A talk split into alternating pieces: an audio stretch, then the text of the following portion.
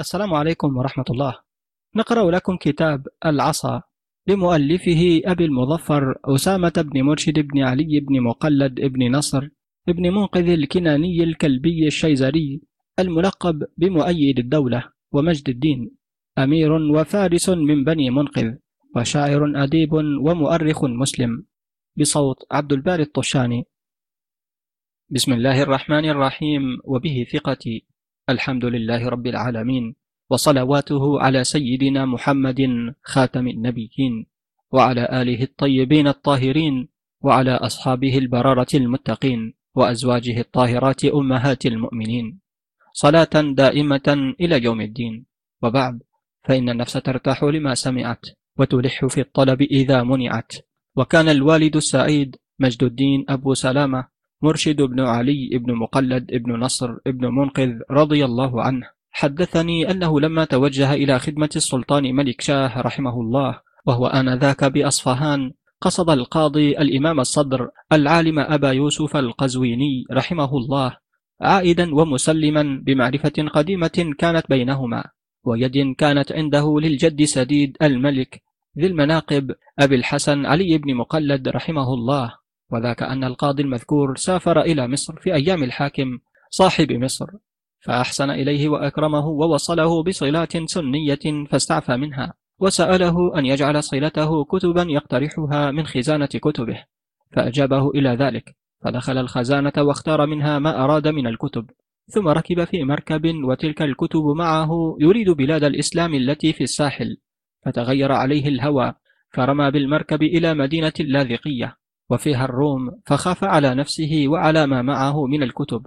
فكتب إلى جدي سديد الملك رحمه الله تعالى كتابا يقول فيه قد حصلت بمدينة اللاذقية بين الروم ومعي كتب الإسلام وقد وقعت لك رخيصا فهل أجدك حريصا فسير إليه من يومه ولده عمي عز الدولة أبا المرهف نصرا رحمه الله وسير معه خيلا كثيرا من غلمانه وجنده وظهرا لركوبه وحمل أثقاله. فأتاه وحمله وما معه فأقام عند جدي رحمه الله مدة طويلة وكانت له بالوالد رحمه الله عناية والف فلما اجتاز ببغداد قصده ليجدد به عهدا. فحدثني رحمه الله قال دخلت معه ومعي الشيخ أبو الحسن علي بن البوين الشاعر وهو كاتب كان لجدي رحمه الله. فوجدته قد بلغ من العمر ما غير ما كنت أعرفه فيه ونسي كثيرا مما كان يذكره. فلما رآني عرفني بعد السؤال لأنه فارقني وأنا صبي ورآني وأنا رجل فاستخبرني عن طريقي فعرفته فاستخبرني عن طريقي فعرفته توجهي إلى دركاه السلطان فقال تبلغ خواجة بزرك تبلغ خواجة بزرك نظام الدين سلامي وتعرفه أن الجزء الأول من التفسير الذي قد جمعته قد ضاع وهو تفسير بسم الله الرحمن الرحيم واسأل أن يأمر باستنساخه من النسخة التي في خزانته. وينفذه لي. وكان جمع تفسير القرآن في مائة مجلد. وكان لضعفه وكبره مستندا بين الجالس والمستلقي على فراش له وحوله كتب كثيرة وهو يكتب. فسلم عليه الشيخ أبو الحسن ابن البوين فلم يعرفه. وقال من أنت؟ قال أنا خادمك علي بن البوين كاتب الأمير سديد الملك. قال البوين أي شيء هو؟ لعن الله البوين. ثم فكر هنيهة وقال أنت الشاعر النحوي الكاتب؟ قال نعم. فأنشد قالوا السلامي فقلت اطبقي ذا محلبان الضرع لبان. ثم عاد إلى حديثه معي فلمح الشيخ أبا الحسن قد أخذ كتابا من تلك الكتب التي حول فراشه فقال يدخل الجاهل على الإنسان فيقرأ ما عنده من الكتب أي أن من أهل العلم ما أحوجك أن يكون ما في يدك فوقها فألقاه من يده. وكان الكتاب كتاب العصا. ولي منذ سمعت هذا نحوا من ستين سنة. أتطلب كتاب العصا بالشام ومصر والعراق والحجاز والجزيرة وديار بكر فلا أجد من يعرفه. وكلما تعذر وجوده ازددت حرصا على طلبه إلى أن حداني اليأس منه على أن جمعت هذا الكتاب وترجمته بكتاب العصا. ولا أدري أكان ذلك الكتاب على هذا الوضع أم على وضع غيره غير أني قد بلغت النفس مناها. وكانت حاجة في نفس يعقوب قضاها. ولا أرتاب في أن مؤلف ذلك الكتاب وقع له معنى فأجاد في تأليفه وتنميقه. وأنا فاتني مطلوب ففرغت إلى تجويزه وتلفيقه. وكتابي هذا وإن كان خاليا من العلوم التي يتجمل التصانيف بها ويرغب أولو الفضل في طلبها فما يخلو من أخبار وأشعار تميل النفوس إليها ويحسن موقعها ممن وقف عليها. وقد افتتحته بذكر عصا موسى عليه السلام ثم ذكر عصا سليمان بن داود عليهما السلام ثم أفضت في ذكر الأخبار والأشعار التي يأتي فيها ذكر العصا. ولا أدعي أنني أتيت على ذكر العصا فيما جمعته وإنما أوردت منه ما حفظته وسمعته وبالله عز وجل أعوذ وأعتصم. من أن تكتب يدي ما يؤثم ويصم ومن رحمته تعالى أطلب الصفح والغفران. عن اشتغالي بالترهات عن تلاوة القرآن. وهو سبحانه أقرب مدعو وأكرم مرجو. فصل في تسمية العصا. قال أبو بكر محمد بن دريد رحمه الله إنما سميت العصا عصا لصلابتها مأخوذ من قولهم عص الشيء وعصى وعسى إذا صلب واعتصت النواة إذا صلب واعتصت النواة إذا اشتدت. فإنما العصا مثل تضرب للجماعة يقال شق فلان عصى المسلمين والجماعة. وفي الحديث عن النبي صلى الله عليه وسلم وفي الحديث عن النبي صلى الله عليه وسلم إياك وقتل العصا يريد المفارق للجماعة فيقتل. وألقى الرجل عصاه إذا اطمأن مكانه ويقال عصا وعصوان والجمع العصي وأعصى الكرم إذا خرج عيدانه. وفي الحديث عن النبي صلى الله عليه وسلم لا ترفع عصاك عن أهلك يراد به الأدب. ويقال لعظام الجناح عصي وعصوت الجرح أي داويته والعصيان خلاف الطاعة. قال دريد بن الصمة فلما عصوني كنت منهم وقد أرى غوايتهم وأنني غير مهتدي. وقد سميت الهراوة وجمعها هراوة. قال ابن فارس في كتاب مجمل اللغة هروته بالهراوة إذا ضربته بها. قال العباس بن مرداس السلمي أبياتا ذكر فيها الهراوة. أنا ذاكرها وموردها لحسنها وجزالتها وهي من مختار الشعر وقد اختارها أبو تمام حبيب بن أوس الطائي في حماسته في باب الأدب وهي ترى الرجل النحيف فتزدريه وفي أثوابه أسد يزير ويعجبك الطرير فتبتليه فيخلف ظنك الرجل الطرير فما عظم الرجال لهم بفخر ولكن فخرهم كرم وخير. ضعاف الطير أطولها جسوما ولم يطل النزاة ولا الصقور. بغاث الطير أكثرها فراخا وأم الصقر مقلاة نزور. بغاث الطير صغارها وفيها ثلاث لغات ضم الباء وفتحها وكسرها والمقلاة التي لا يعيش لها ولد. لقد عظم البعير بغير لب فلم يستغن بالعظم البعير. يصرفه الصبي بكل وجه ويحبسه على الخسف الجرير. الجرير حبل يكون في رأس البعير وتضربه الوليدة بالهراوى فلا غير لديه ولا نكير. فإن أك في شراركم قليلا فإني في خياركم كثير.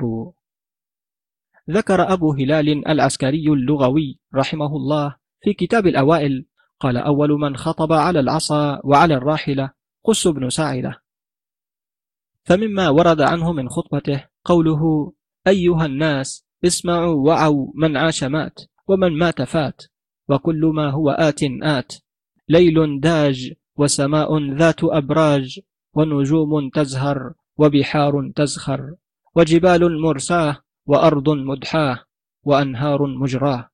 ما بال الناس يذهبون فلا يرجعون أرضوا فأقاموا أم تركوا فناموا. يقسم قس بالله قسما لا إثم فيه. إن لله دينا هو أرضى وأنضل من دينكم الذي أنتم عليه. إنكم لتأتون من الأمر منكرا. ثم أنشأ يقول في الذاهبين الأولين من القرون لنا بصائر. لما رأيت مواردا للقوم ليس لها مصادر. ورأيت قومي نحوها يمضي الأصاغر والأكابر. لا يرجع الماضي إلي ولا من الباقين غابر. أيقنت أني لا محالة حيث صار القوم صائر. قال المؤلف العرب تقول فلان ممن قرعت له العصا فلان ممن قرعت له العصا إذا كان يرجع إلى الصواب وينقاد إلى الحق ويستقيم عند ربعه إذا نبه. وتقول فلان صلب العصا إذا كان ذا نجدة وحزامة. وتقول إذا تفرقت الخلطاء واختلفت آراء العشيرة ومرج الأمر انشقت العصا. وتقول للمسافر إذا آب واستقرت به داره ألقى عصا التسيار. قرع العصا. قال النبي صلى الله عليه وسلم قرعت عصا على عصا. ألا فرح لها قوم وحزن آخرون. قال الحجاج بن يوسف الثقفي في بعض خطبه والله لأعصبنكم عصب السلمة.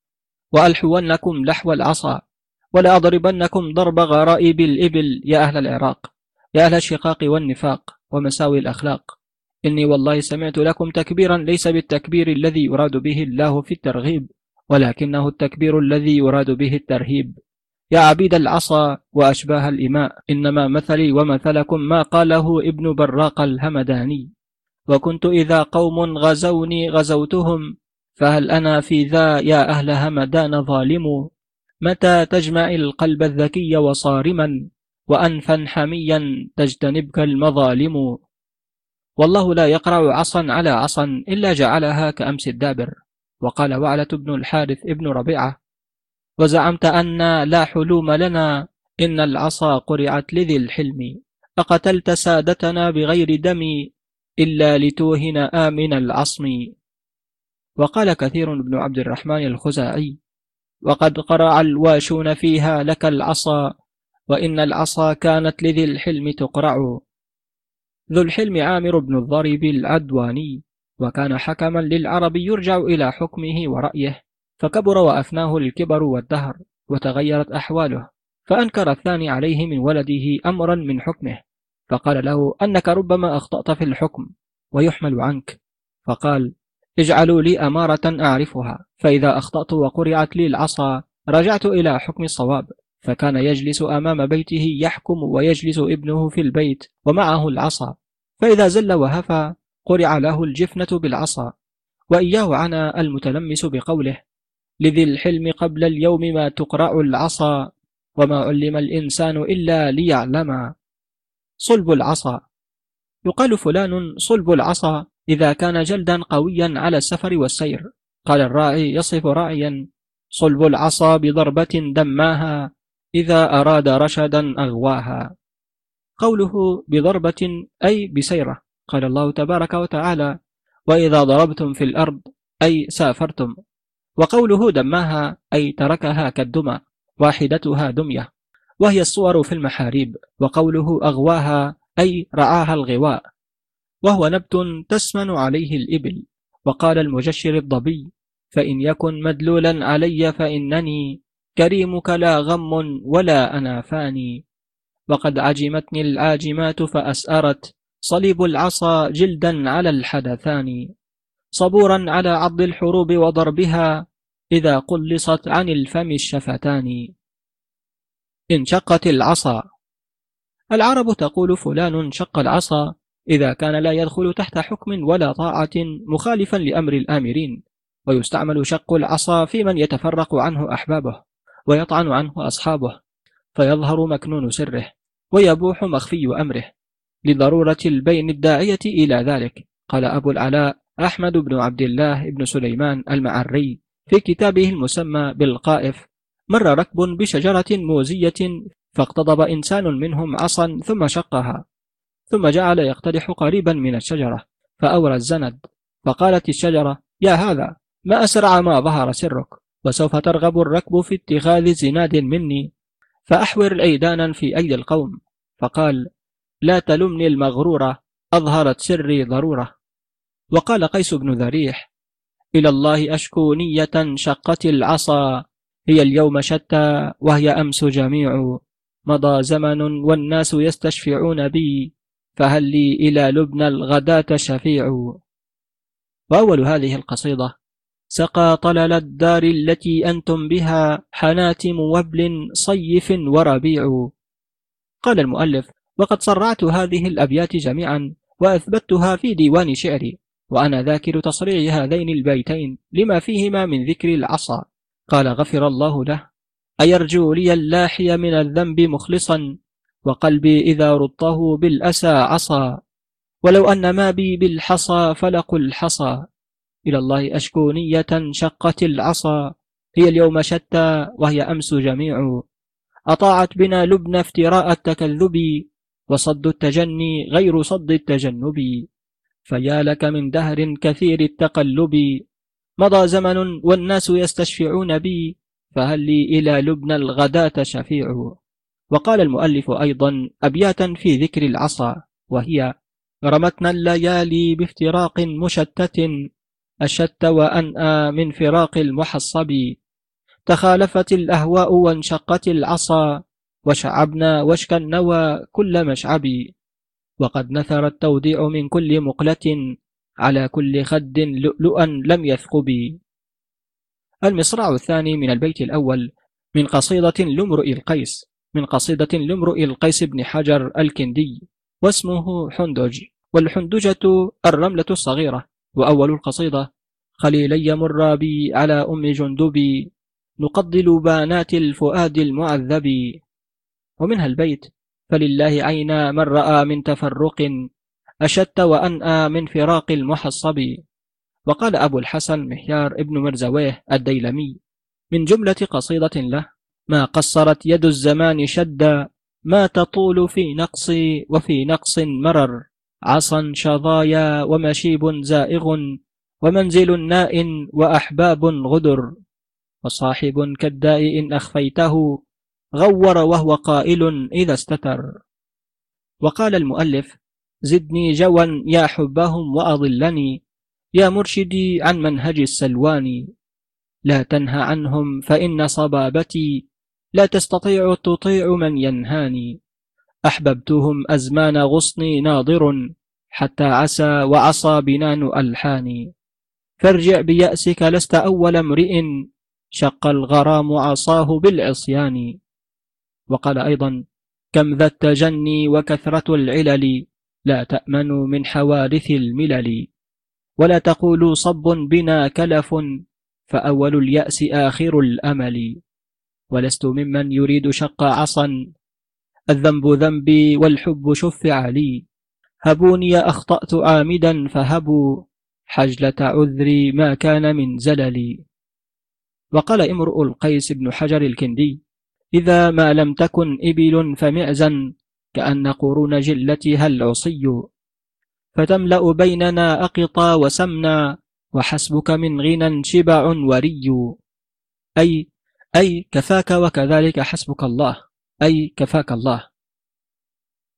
العرب تقول طارت عصا بني فلان شققا.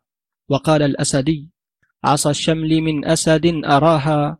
قد انصدعت كما انصدع الزجاج. ويقال فلان شق عصا المسلمين ولا يقال شق ثوبا ولا غير ذلك مما يقع عليه اسم الشق.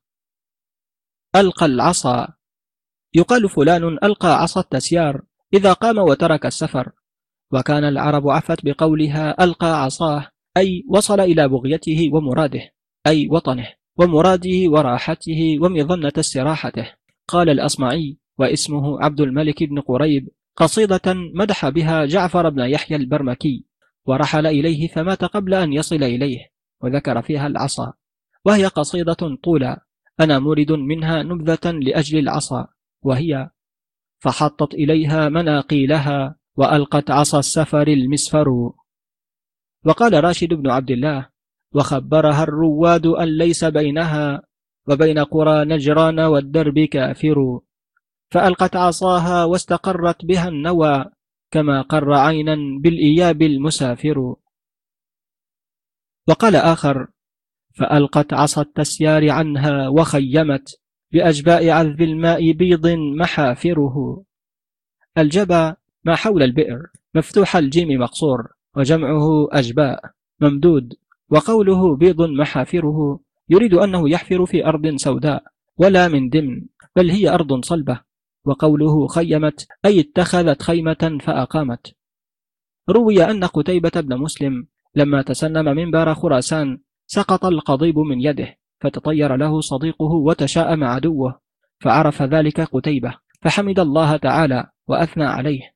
ثم قال ليس كما شر العدو وساء الصديق بل كما قال الشاعر فألقت عصاها واستقرت بها النوى كما قر عينا بالإياب المسافر. قناة كتب عبد الباري الطشاني على اليوتيوب. قال المؤلف قال جدي الأمير سديد الملك والمناقب أبو الحسن علي بن مقلد رحمه الله يخاطب بعض ولاة حلب. خيمت في حلب العواصم بعدما قلدت خوفك نازح الأقطار. لا ترضها دار الثواء ولا تقل في مثلها تلقي عصا التسيار. استحي من أجداث قومك أن ترى عرض البسيطة وهي دار قرار. قال المؤلف حدثني من أثق به في شوال سنة تسع وستين وخمسمائة بحصن كيفا قال كان في خدمة الأمير نجم الدولة مالك بن سالم صاحب قلعة جعبر رجل عواد يقال له أبو الفرج.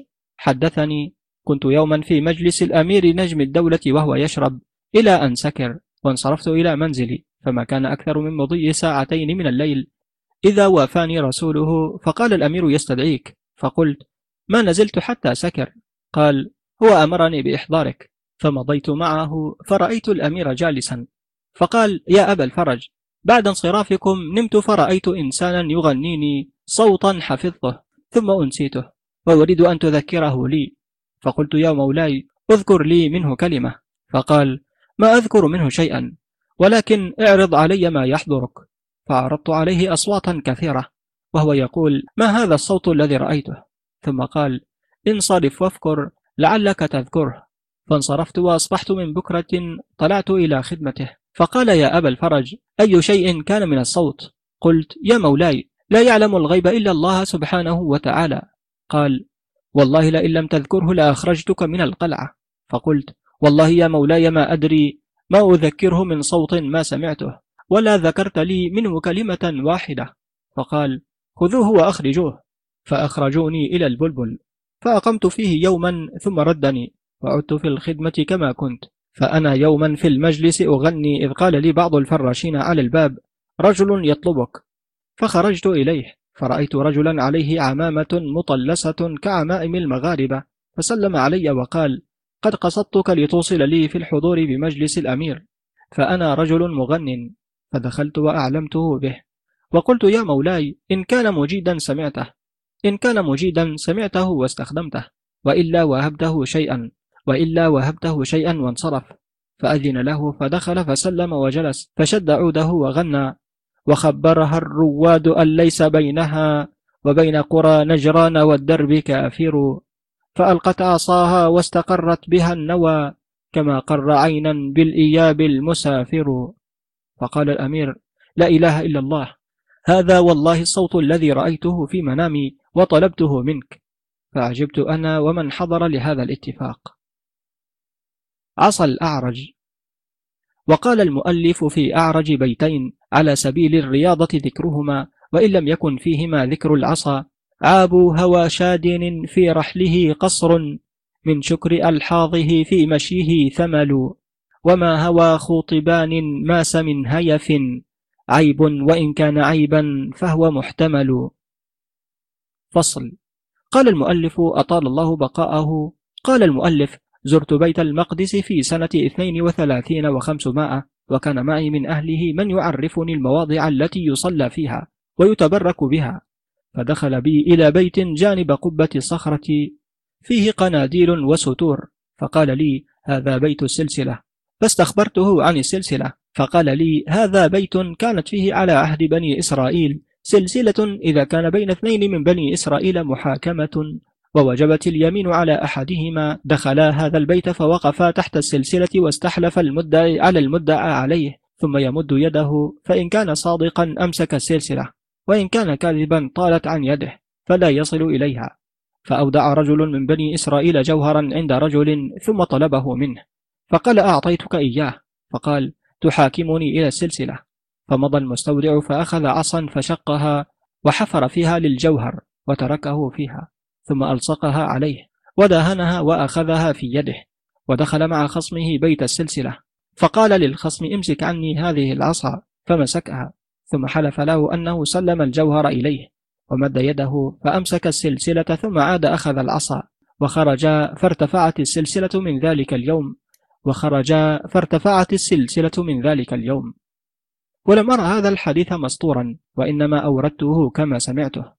قال المؤلف كان عندنا بشيزر رجل زاهد من خيار المسلمين اسمه جرار رحمه الله وكان منقطعا على مسجد على جبل جريجس لا يخرج منه إلا على صلاة الجمعة لا يخرج منه إلا على صلاة الجمعة وكنت أزوره فيه وأتبرك به.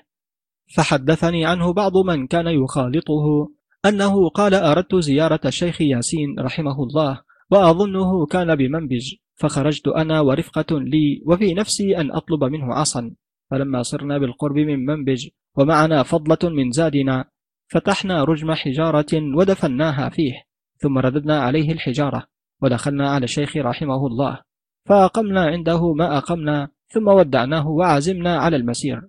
فأحضر لنا زادا وقال احملوا هذا فإن زادكم أكله الثعلب وأحضر عصا وأخرج من تحت عمامته طاقية وقال لي خذ هذه العصا وهذه الطاقية فودعنا وانصرفنا وأنا مسرور بالعصا والطاقية. ونحن نعجب من قوله عن الزاد فلما صرنا إلى الموضع الذي فيه الزاد طلبناه فلم نجده وإذا الوحش قد أكلته. فسرنا ثم افترقنا وركب كل رجل منا قصده. فوصلت إلى أرض شيزر وإذا الفرنج قد أغاروا على البلد وهم منتشرون فيما بيني وبين قصدي. فوقع في نفسي أن أخرجت الطاقية من تحت عمامتي ووضعتها على رأس العصا ومشيت على الطريق والفرنج عن يميني وشمالي وبين يدي والعصا في يدي وعليها الطاقية. فلا والله ما عارضني منهم أحد كأن الله سبحانه وتعالى أعمى أبصارهم عني فما نالني منهم سوء. حتى وصلت إلى مأمني. قال المؤلف ولعل من يقف على هذا الحديث يدفعه ويكذبه وقد جرى بشيزر ما هو أعجب من هذا. وأنا حاضر نزل الفرنج خذلهم الله علينا في بعض السنين وكان الماء بيننا وبينهم وهو إذ ذاك زائد لا يمكن خوضه فما كان لنا إليهم سبيل ولا لهم إلينا. فلما تبينوا ذلك انتشروا في الأرض ودخلوا في البساتين يرعون خيلهم فجاء منهم نفر إلى بستان على جانب الماء ومعهم خيلهم فتركوها ترعى في قيصل في البستان وناموا فتجرد رجال من أصحابنا وسبحوا إليهم ومعهم سيوفهم فقتلوا منهم وجرحوا بعضهم وهم في خيمهم ففزعوا وجاءوا مثل السيل كل من ظفروا به قتلوه وانتهى بعضهم إلى مسجد مما يليهم يعرف بمسجد أبي المجد ابن سمية ونحن نراهم ولا سبيل لنا إليهم. وفي المسجد رجل يعرف بحسن الزاهد رحمه الله واقف يصلي على سطحه وعليه ثياب سود صوفا وباب المسجد مفتوح. فجاء الفرنج وترجلوا ودخلوا المسجد ونحن نقول الساعة يقتلون الشيخ. فلا والله ما قطع صلواته ولا تحرك من مصلاه ونحن نظن أنهم يرونه كما نراه إلا أن الله سبحانه وتعالى أعمى أبصارهم عنه وحماه من كيدهم. وخرجوا من المسجد بأجماعهم وانصرفوا والشيخ رحمه الله في مصلاه كما كان وما العيان كالأخبار والسماع. قال المؤلف حضرت بدمشق وقد وقع بين العميان وبين رجل كان يتولى وقفهم يعرف بابن البعلبكي خلف فلقوا فيه صاحب دمشق شهاب الدين محمود بن تاج الملوك بورا رحمه الله عدة مرار. فقال للأمير مجاهد الدين بوزان بن مامين أي مجاهد الدين تالله خلصني منهم وأجمعهم وأحضر نائبهم في الوقف وأفصل حالهم. فقال السمع والطاعة. وقال لي مجاهد الدين تفضل واحضر معنا. فاجتمعنا في إيوان كبير في دار وحضر النائب ابن البعلبكي. ونائب كان قبله يقال له ابن الفراش. وحضر العميان في نحو من ثلاثمائة رجل. فحملوا قدامهم ودخلوا الإيوان كل واحد وعصاه معه في يده وضعها إلى جنبه. ثم تجاروا الحديث فكان بعضهم هواه مع النائب الأول ابن الفراش وبعضهم هواه مع ابن البعلبكي. فتنازعوا وتخاصموا ساعة ولا يندخل بينهم لعلو أصواتهم وكثرتهم. ثم تواثبوا فارتفع في الإيوان نحو من ثلاثمائة عصا في أيدي العميان لا يدرون من يضربون. وعلى الضجيج والصياح حتى ندمت على حضوري. فتلطفا الأمر حتى سكنت الفتنة بينهم. ومشيا أمرهم على ما أرادوا وما صدقنا أنهم يتصرفون. العصا فرس جذيمة الأبرج. قال المؤلف ومع ما أوردته فيه من قول أصحاب السير وأشعار الشعراء فلا يحقق ذلك من مارس الحروب وعرف مكايدها واتقاء الرجال التغرير والتخوف من سوء عواقب الحيلة وضعف المكيدة والحزم في الحرب أبلغ من الإقدام. وقد حاربت الفرنجة خذلهم الله في مواقف ومواطن لا أحصي عددها كثرة. فما رأيتهم قط كسرونا فلجوا في طلبنا ولا يزيدون خيلهم عن الخبب والنقل خوفا من مكيدة تتم عليهم. فكيف يحكم من في رأسه لب على نفسه حتى يدخل في غرارة مشدودة عليه وفي تابوت؟ وكيف يخفى الرجل إذا ربطت عليه غرارة وخطر لي أن قلت عند انتهائي إلى هذا الموضع أبياتا أنا ذاكرها وهي لو سرت في عرض البسيطة طالبا رجلا خبيرا بالحروب مجربا عانى الحروب مجاهرا ومخاتلا طفلا إلى أن عاد هما أشيبا. قتل الأسود ونازل الأبطال في الهيجاء واقتاد الكمي المحربا. لم تلق مثلي من يكاد يريه حسن الرأي ما قد كان عنه مغيبا. وأرى مسير الألف تطلب وترها ضمن الغرائر فرية وتكذبا. قناة كتب عبد الباري الطشاني على اليوتيوب. فصل. قال الفرزدق في قصيدة مدح بها هشام بن عبد الملك رأيت بني مروان جلت سيوفهم عشا كان في الأبصار تحت العمائم. عصى الدين والعودين والخاتم الذي به الله يعطي ملكه كل قائم. عصى الدين السيف والعودان العصا والمنبر. رأيت العشاوات جلت حين أعطيت هشاما عصى الدين الذي لم تخاصمي فصل. قال معن بن أوس المزني إذا اجتمع القبائل كنت ردفا أمام الماسحين لك السبالا فلا تعصي عصى الخطباء فيهم وقد تكفي المقادة والمقالا. وقال آخر في عصى الخطابة إذا اقتسم الناس فضل الفخار أطلنا إلى الأرض ميل العصي. تقول العرب ما تزال تحفظ أخاك حتى تأخذ القناة فعند ذلك يفضحك أو يمدحك. تقول إذا قام الخطيب والقناة بيده فقد قام المقام الذي يخرج منه مذموما أو محمودا. وقال جرير بن عطية من للقناة إذا ما عي قائلها أم للأغنة يا عمرو بن عمار؟ عن عبد الله بن رؤبة بن العجاج قال سأل رجل رؤبة عن أخطب بني تميم فقال خداش بن لبيب ابن بيبة ابن خالد يعني البعيث الشاعر. وإنما قيل له البعيث لقوله تبعث مني ما تبعث بعدما أمرت حبالي كل مرتها شزرا قال أبو اليقظان كانوا يقولون أخطب بني تميم البعيث إذا أخذ القناة فهزها ثم اعتمد بها على الأرض ثم رفعها ثم رفعها. يريد بالقناة العصا. قال يونس لئن كان مغلبا في الشعر لقد غلب في الخطب. العرب تقول اعتصى بالسيف إذا جعل السيف عصا. وقال عمرو بن الإطنابة وفتى يضرب الكتيبة بالسيف إذا كانت السيوف عصيا. وقال محرز نزلوا إليهم والسيوف عصيهم وتذكروا دمنا لهم وذحولا. فصل فصل جامع. قال عمرو بن بحر الجاحظ الدليل على أن العصا مأخوذ من أصل كريم ومعدن شريف اتخاذ سليمان بن داود عليهما السلام العصا لخطبته وموعظته ومقاماته وطول صلواته وتلاواته وانتصابه فجعلها لتلك الخصال؟ وقول الله عز وجل فلما قضينا عليه الموت ما دلهم على موته إلا دابة الأرض تأكل من سأته والمنسأة هي العصا. وقال أبو طالب حين قام يذم الرجل الذي ضرب أبا نبقة واسمه علقمة حين تخاصما أمن أجل حبل ذي زمام ضربته بمنسأة قد جاء حبل وأحبل. والمحجنة العصا المعوجة. وفي الحديث المرفوع أنه صلى الله عليه وسلم طاف بالبيت يستسلم الأركان بمحجنة. وفي الحديث أن أبا بكر رضي الله عنه أفاض من جمع وهو يخرش بعيره بمحجنة. والعرب تقول لو كان في العصا سير للمقل والضعيف. قال أبو تمام حبيب بن أوس الطائي يا لك من همة ورأي لو أنه في عصاك سير رب قليل حدا كثيرا كم مطر بدؤه مطير. صبرا على الحادثات صبرا ما فعل الله فهو خير. وتقول العرب قد أقبل فلان وعصاه.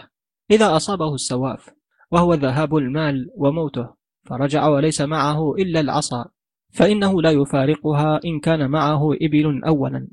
قال حميد بن سعيد واليوم ينتزع العصا من ربها ويلوك ثني لسانه المنطيق. قيل كانت العرب تقاتل بالعصي فلهذا قال الأعشى ميمون بن قيس بن جندل لسنا نضارب بالعصي ولا نقاذف بالحجارة إلا بكل مهند عضب من البيض الذكارة قضم المضارب باتر يشفي النفوس من الحرارة.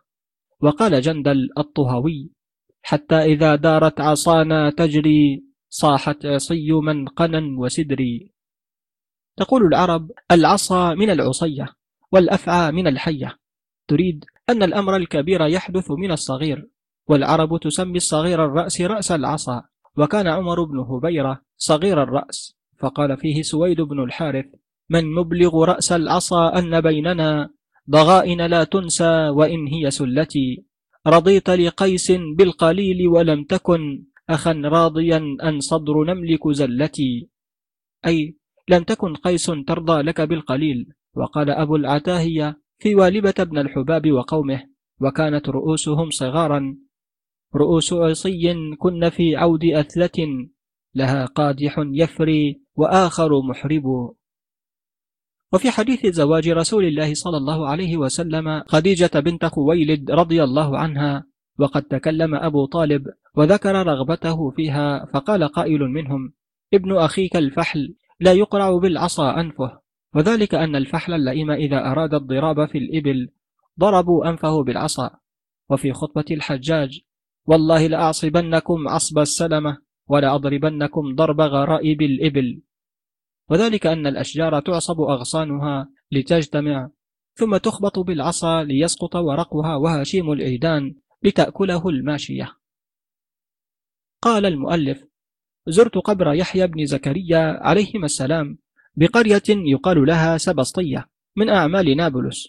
فلما صليت خرجت إلى ساحة بين يدي الموضع الذي فيه القبر محوط عليها.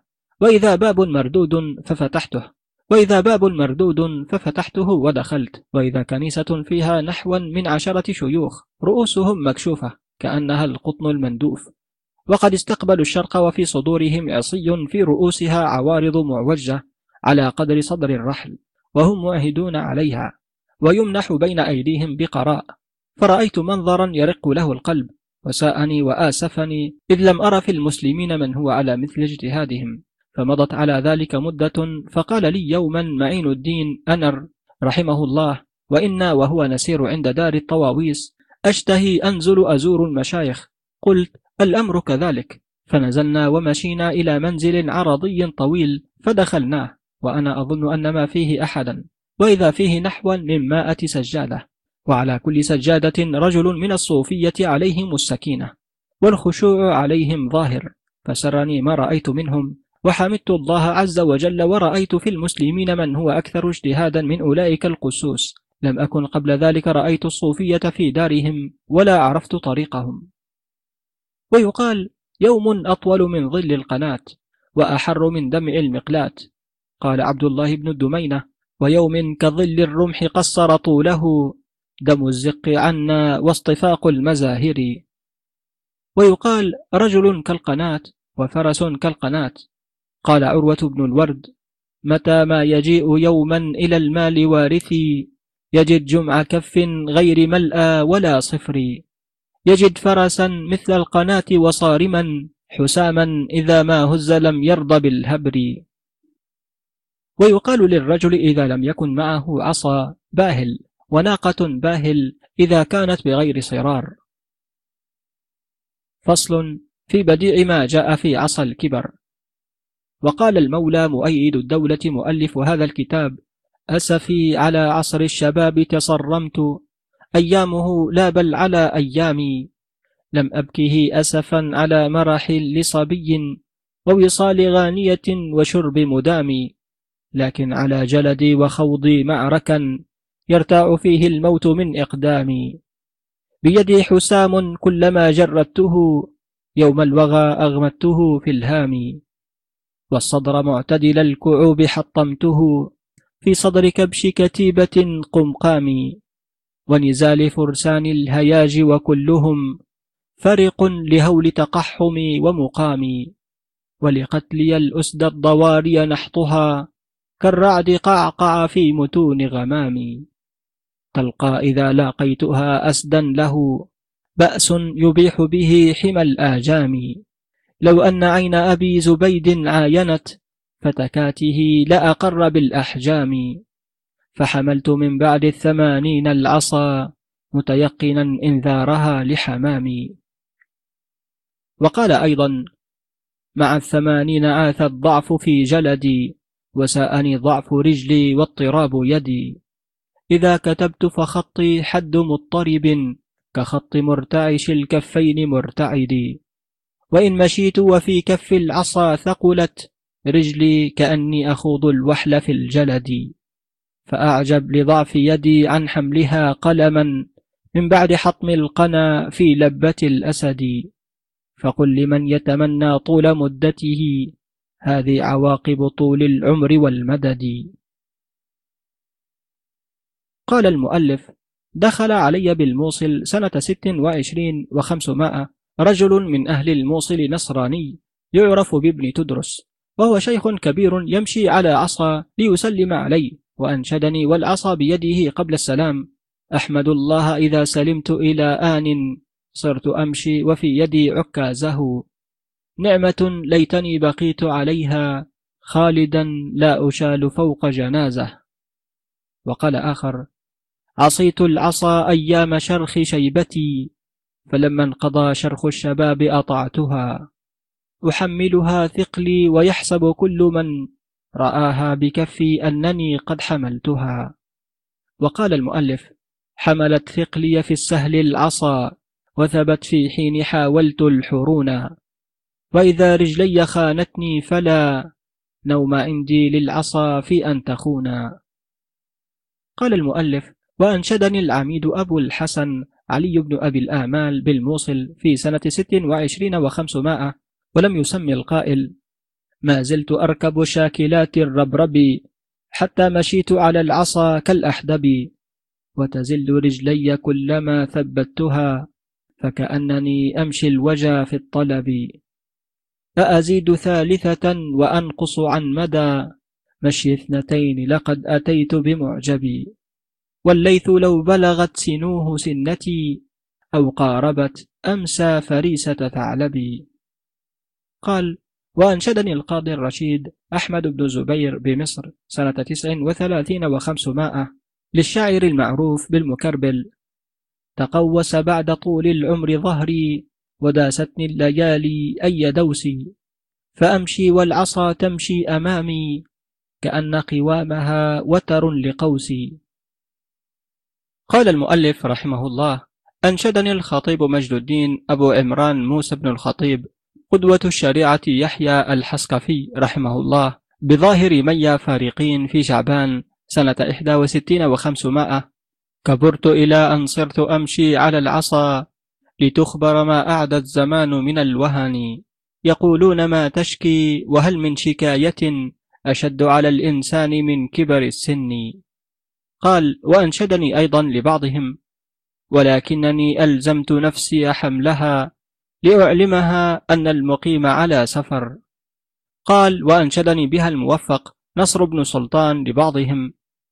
كل امرئ إذا تفكرت فيه وتأملته تراه طريفا.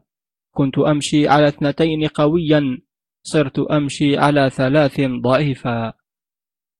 قال المؤلف رحمه الله إذا تقوس ظهر المرء من كبر فعادة القوس يمشي والعصا وتر فالموت أروح شيء يستريح به والعيش فيه له التعذيب والضرر. وقال أيضا في المعنى إذا عاد ظهر المرء كالقوس والعصا له حين يمشي وهي تقدمه وتر. ومل تكاليف الحياة وطولها وأضعفه من بعد قوته الكبر. فإن له في الموت أعظم راحة وأمن من الموت الذي كان ينتظر. وقال المؤلف رحمه الله حناني الدهر وأفنتني الليالي والغير فصرت كالقوس ومن عصاي للقوس وتر. أهدج في مشيي وفي خطوي فتور وقصر. كأنني مقيد وإنما القيد الكبر. والعمر مثل الماء في آخره يأتي الكدر وأنشدني الأمير السيد شهاب الدين أبو عبد الله محمد بن شهاب الدين العلوي الحسيني بالموصل في شوال سنة خمس وستين وخمسمائة لبعض المغاربة ولي عصرا في طريق السير أحمدها بها أقدم في تأخيرها قدمي. كأنها وهي في كفي أهش بها على ثمانين عاما لا على غنمي. كأنني قوس رام وهي لي وتر أرمي عليها رماء الشيب والهرم.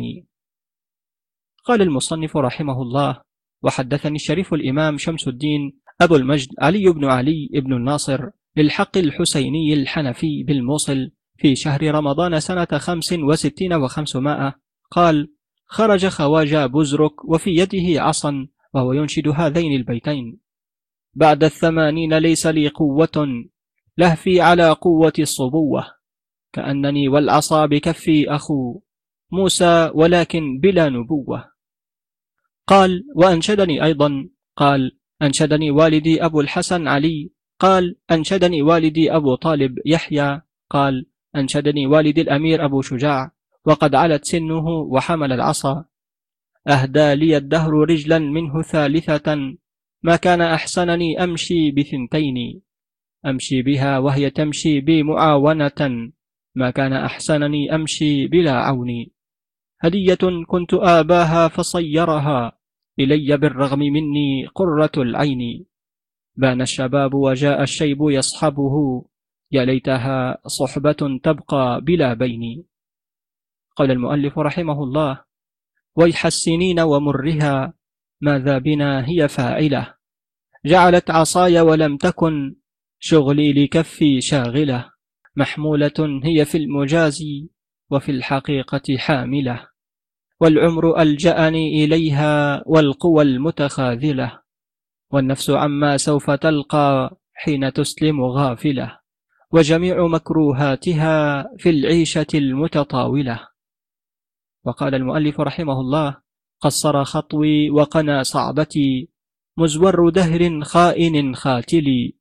وصار كفي مالكا للعصا من بعد حمل الأسمر الذابل. أمشي بضعف وانحناء على عصاي مشي الصائد الخاتل. كأنني لم أمشي يوم الوغى إلى نزال البطل الباسل. ولم أشق الجيش لا أختشي من الردى كالقدر النازل. فانظر إلى ما فعل العمر بي. من طوله لم أحظى بالطائل. يا حسرة إني غدا ميت على فراشي ميتة الخامل. هلا أتاني الموت يوم الوغى بين القنا والأسل الناهل؟ وقال أيضا نظرت إلى ذي شيبة متهدم أفنى وكم أفنى من الأعوام. يمشي وتقدمه العصا وقد انحنى فكأنها وتر لقوس الرامي. ورأت سمات الأريحية والندى ودلائل المعروف والإقدام. واستخبرت عني فقلت لها امرؤ نابي المواطن من كرام الشام. نبت الديار بها وضاق فسيحها عنه ففارقها بغير ملام. قالت من أي الناس أنت؟ فقلت من أولاد منقذ في ذرى وسلام. من معشر أبدا تروح رماحهم بدم العدا مخضوبة الأعلام. تحمي البلاد سيوفهم وتيح ما تحميه دونهم سيوف الحامي النازلين بكل ثغر خائف والآمنين معرة الحرام. وإذا أتاهم مستجير خائف أوى إلى حرم من الأحرام. وإذا أناخ السائلون بنحوهم عادوا ثقال الظهر بالأنعام.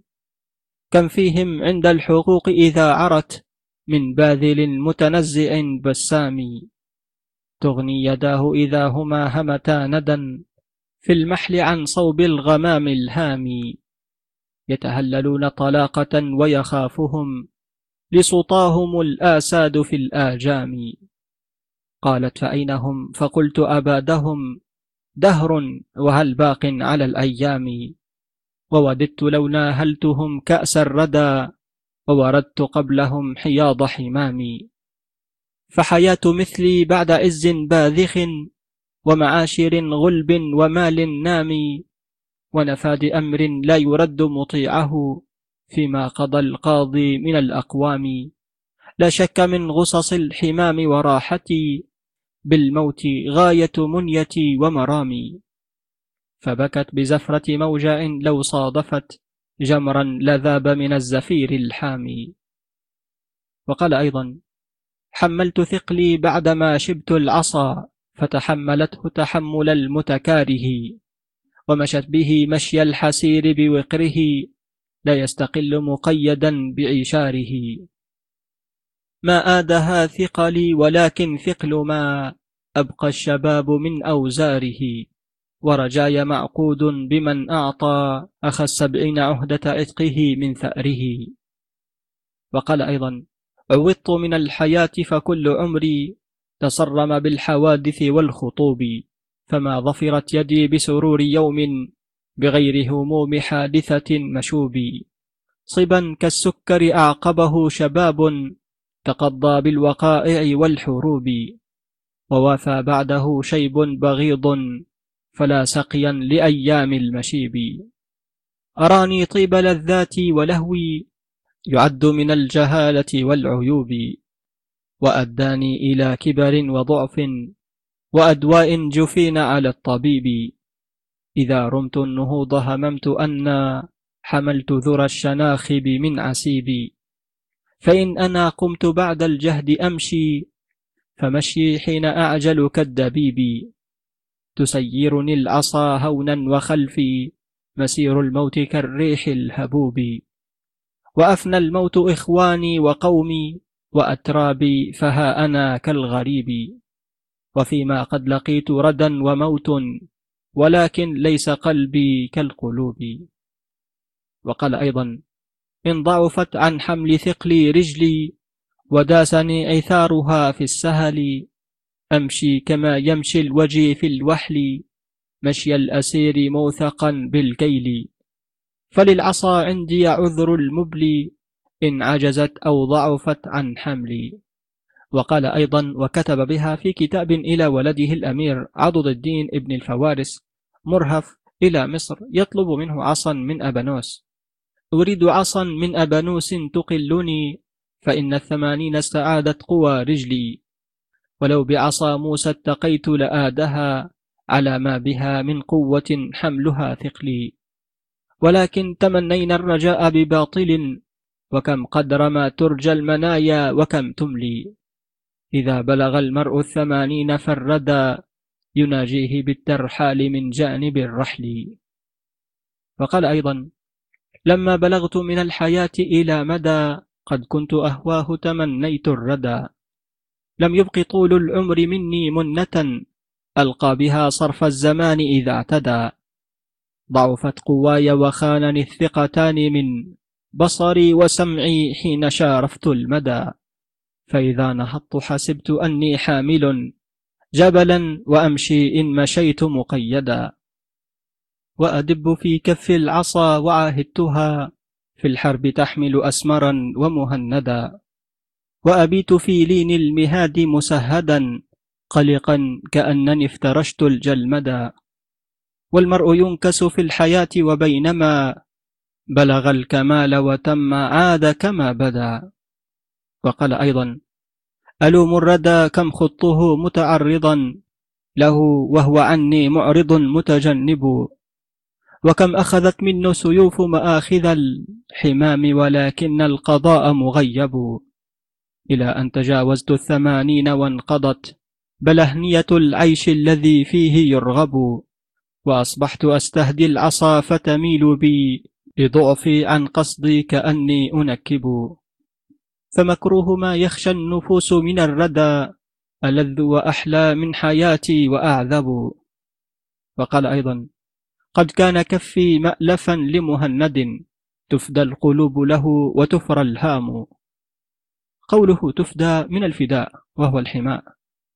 ولأسمر لدن الكعوب وحازه حيث استمر الفكر والأوهام. يتزايل الأبطال عني مثلما نفرت من الأسد الهصور نعام. فرجعت أحمل بعد سبعين العصا فأعجب لما يأتي به الأيام. وإذا الحمام أتى معاجلة الفتى فحياته لا تكذبن حمام. قال مؤيد الدولة مؤلف هذا الكتاب رحمه الله هذا آخر ما قلته وجمعته وألفته ورصفته في ذكر العصا وبه نجزي الكتاب بعون الملك الوهاب. منتخب من شعر أسامة بن منقذ رحمه الله هو أسامة بن مرشد بن علي بن مقلد بن نصر بن منقذ الكناني الكلبي الشيزري الملقب بمؤيد الدولة مجد الدين. كان من أكابر بني منقذ أصحاب قلعة شيزر وعلمائهم وشجعانهم. له تصانيف عديدة في فنون الأدب. ذكره العماد الكاتب في الخريدة وأثنى عليه.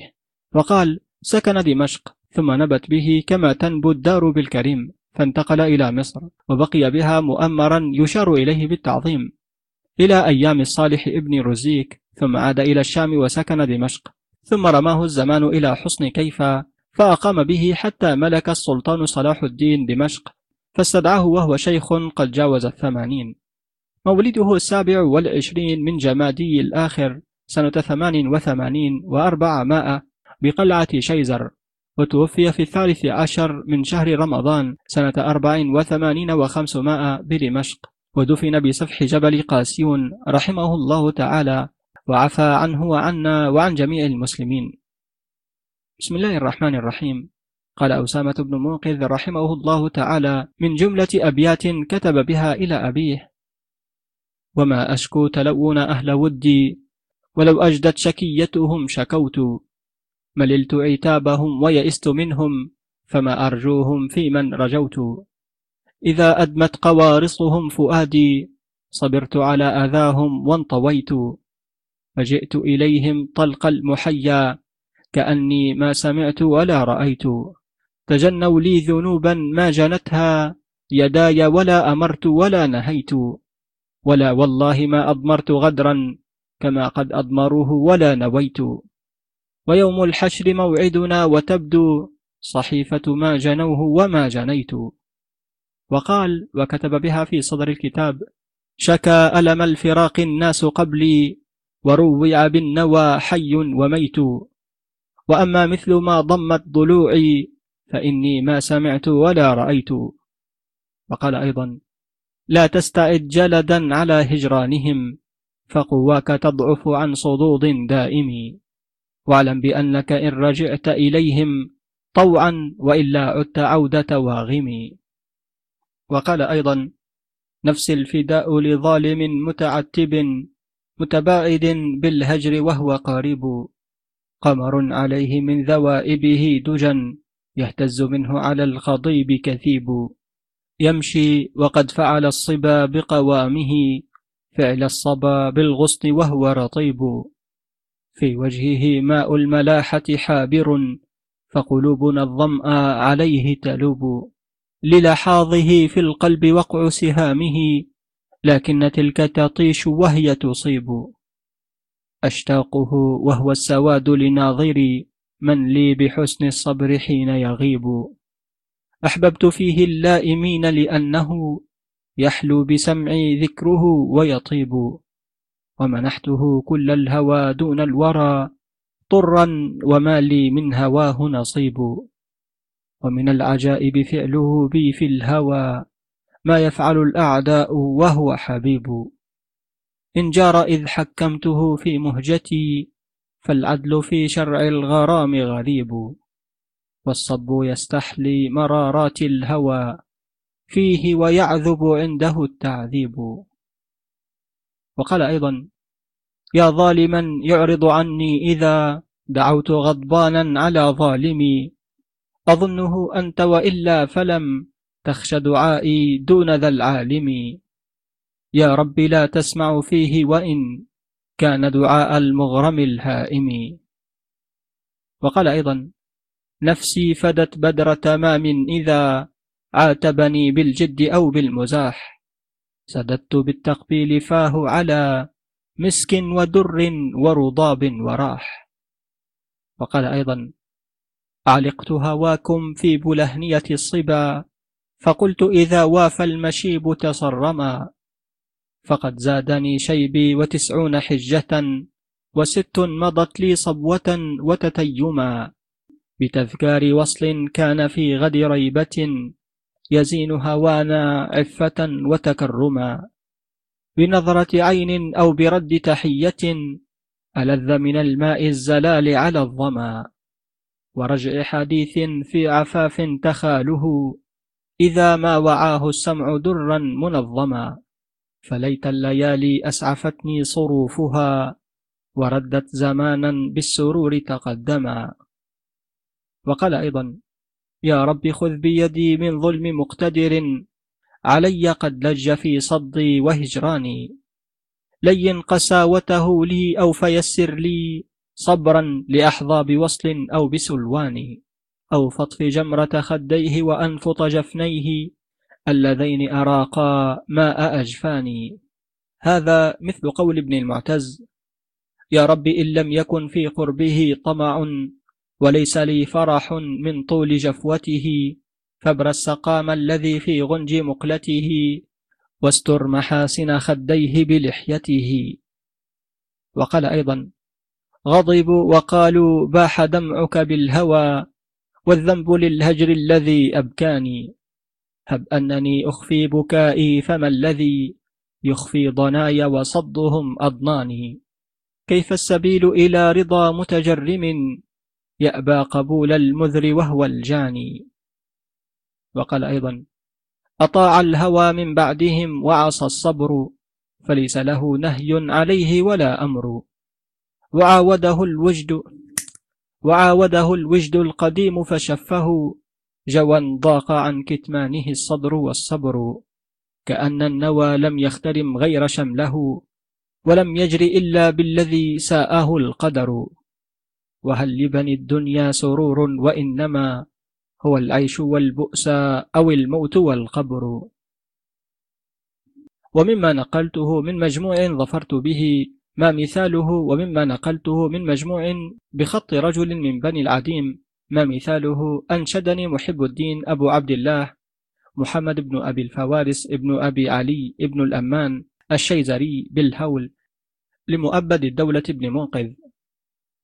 ما يريد الشوق من قلب معنى ذكر الآلاف والوصل فحنى. حسبه من شوقه ما عنده وكفاه من هواه ما أجنى كلما شاهد شملا جامعا طار وجدا وهفى شوقا وأنى فرثى من رحمة عاذله ورأى الحاسد فيه ما تمنى ويحه من حرق تعتاده وهموم جمة تطرق وهنا. يا زمان الوصل سقيا لك من زمن لو كان قرب الدار عنا قل لأحباب نأت دارهم وعلى قربهم أقرع سنا. ساء ظني باصطباري بعدكم ولقد كنت بكم أحسن ظنا. قناة كتب عبد الباري الطشاني على اليوتيوب.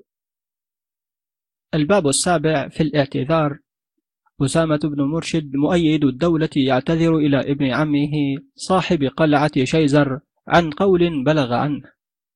أطاع ما قاله الواشي وما هرفا فعاد ينكر منا كلما عرفا وصد حتى استمر الصد منه فلو ألم بي منه طيف في الكرى صدفا. عني وعندي له العتبى فوا عجبا. من معتب ما جنى ذنبا وما اقترفا. ملكته طائعا قلبا تسفها وقلما يملك الأحرار من عسفا لي منه ما ساءني من هجره وله مني الرضا بقضاياه وإن جنفا. ألقاه بعد التصافي معرضا حنقا وبعد إقباله بالود منحرفا.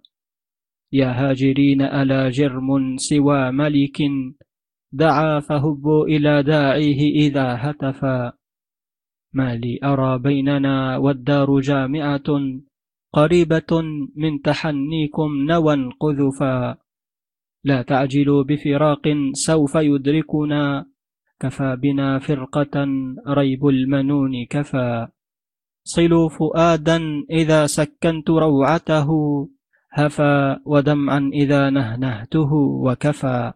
لكم هواي وإن جرتم وجوركم مستحسن منكم لو لم يكن سرفا.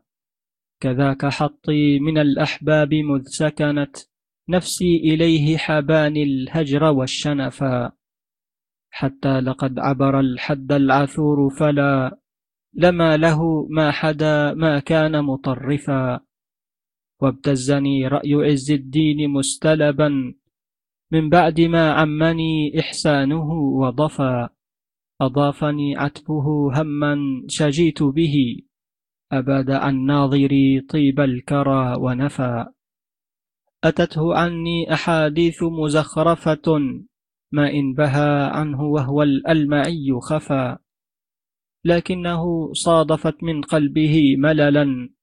لم يستبن صحة الدعوى ولا كشفا وما الرضا ببعيد من خلائقه وهي السلافة راقت رقة وصفا.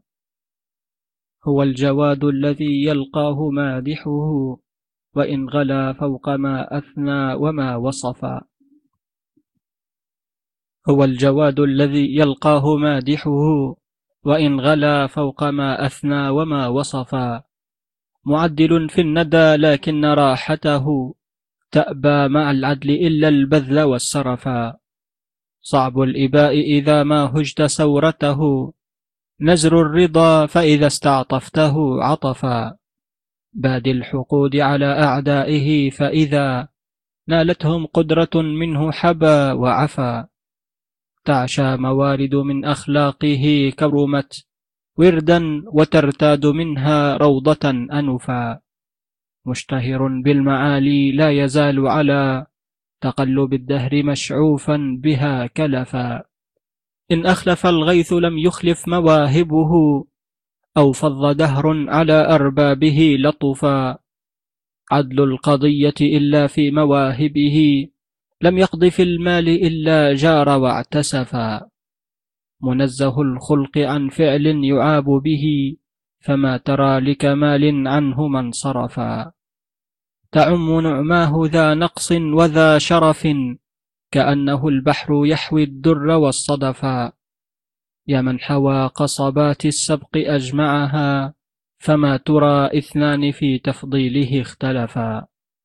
أنفقت مذهب عمري في رضاك وما رأيت منفق عمرا واجدا خلفا لكنني اعتضت منه حسن رأيك لي فنلت منه العلا والعز والشرفا حتى إذا أنا ماءلت النجوم علا وقلت قد نلت من أيامي الزلفا.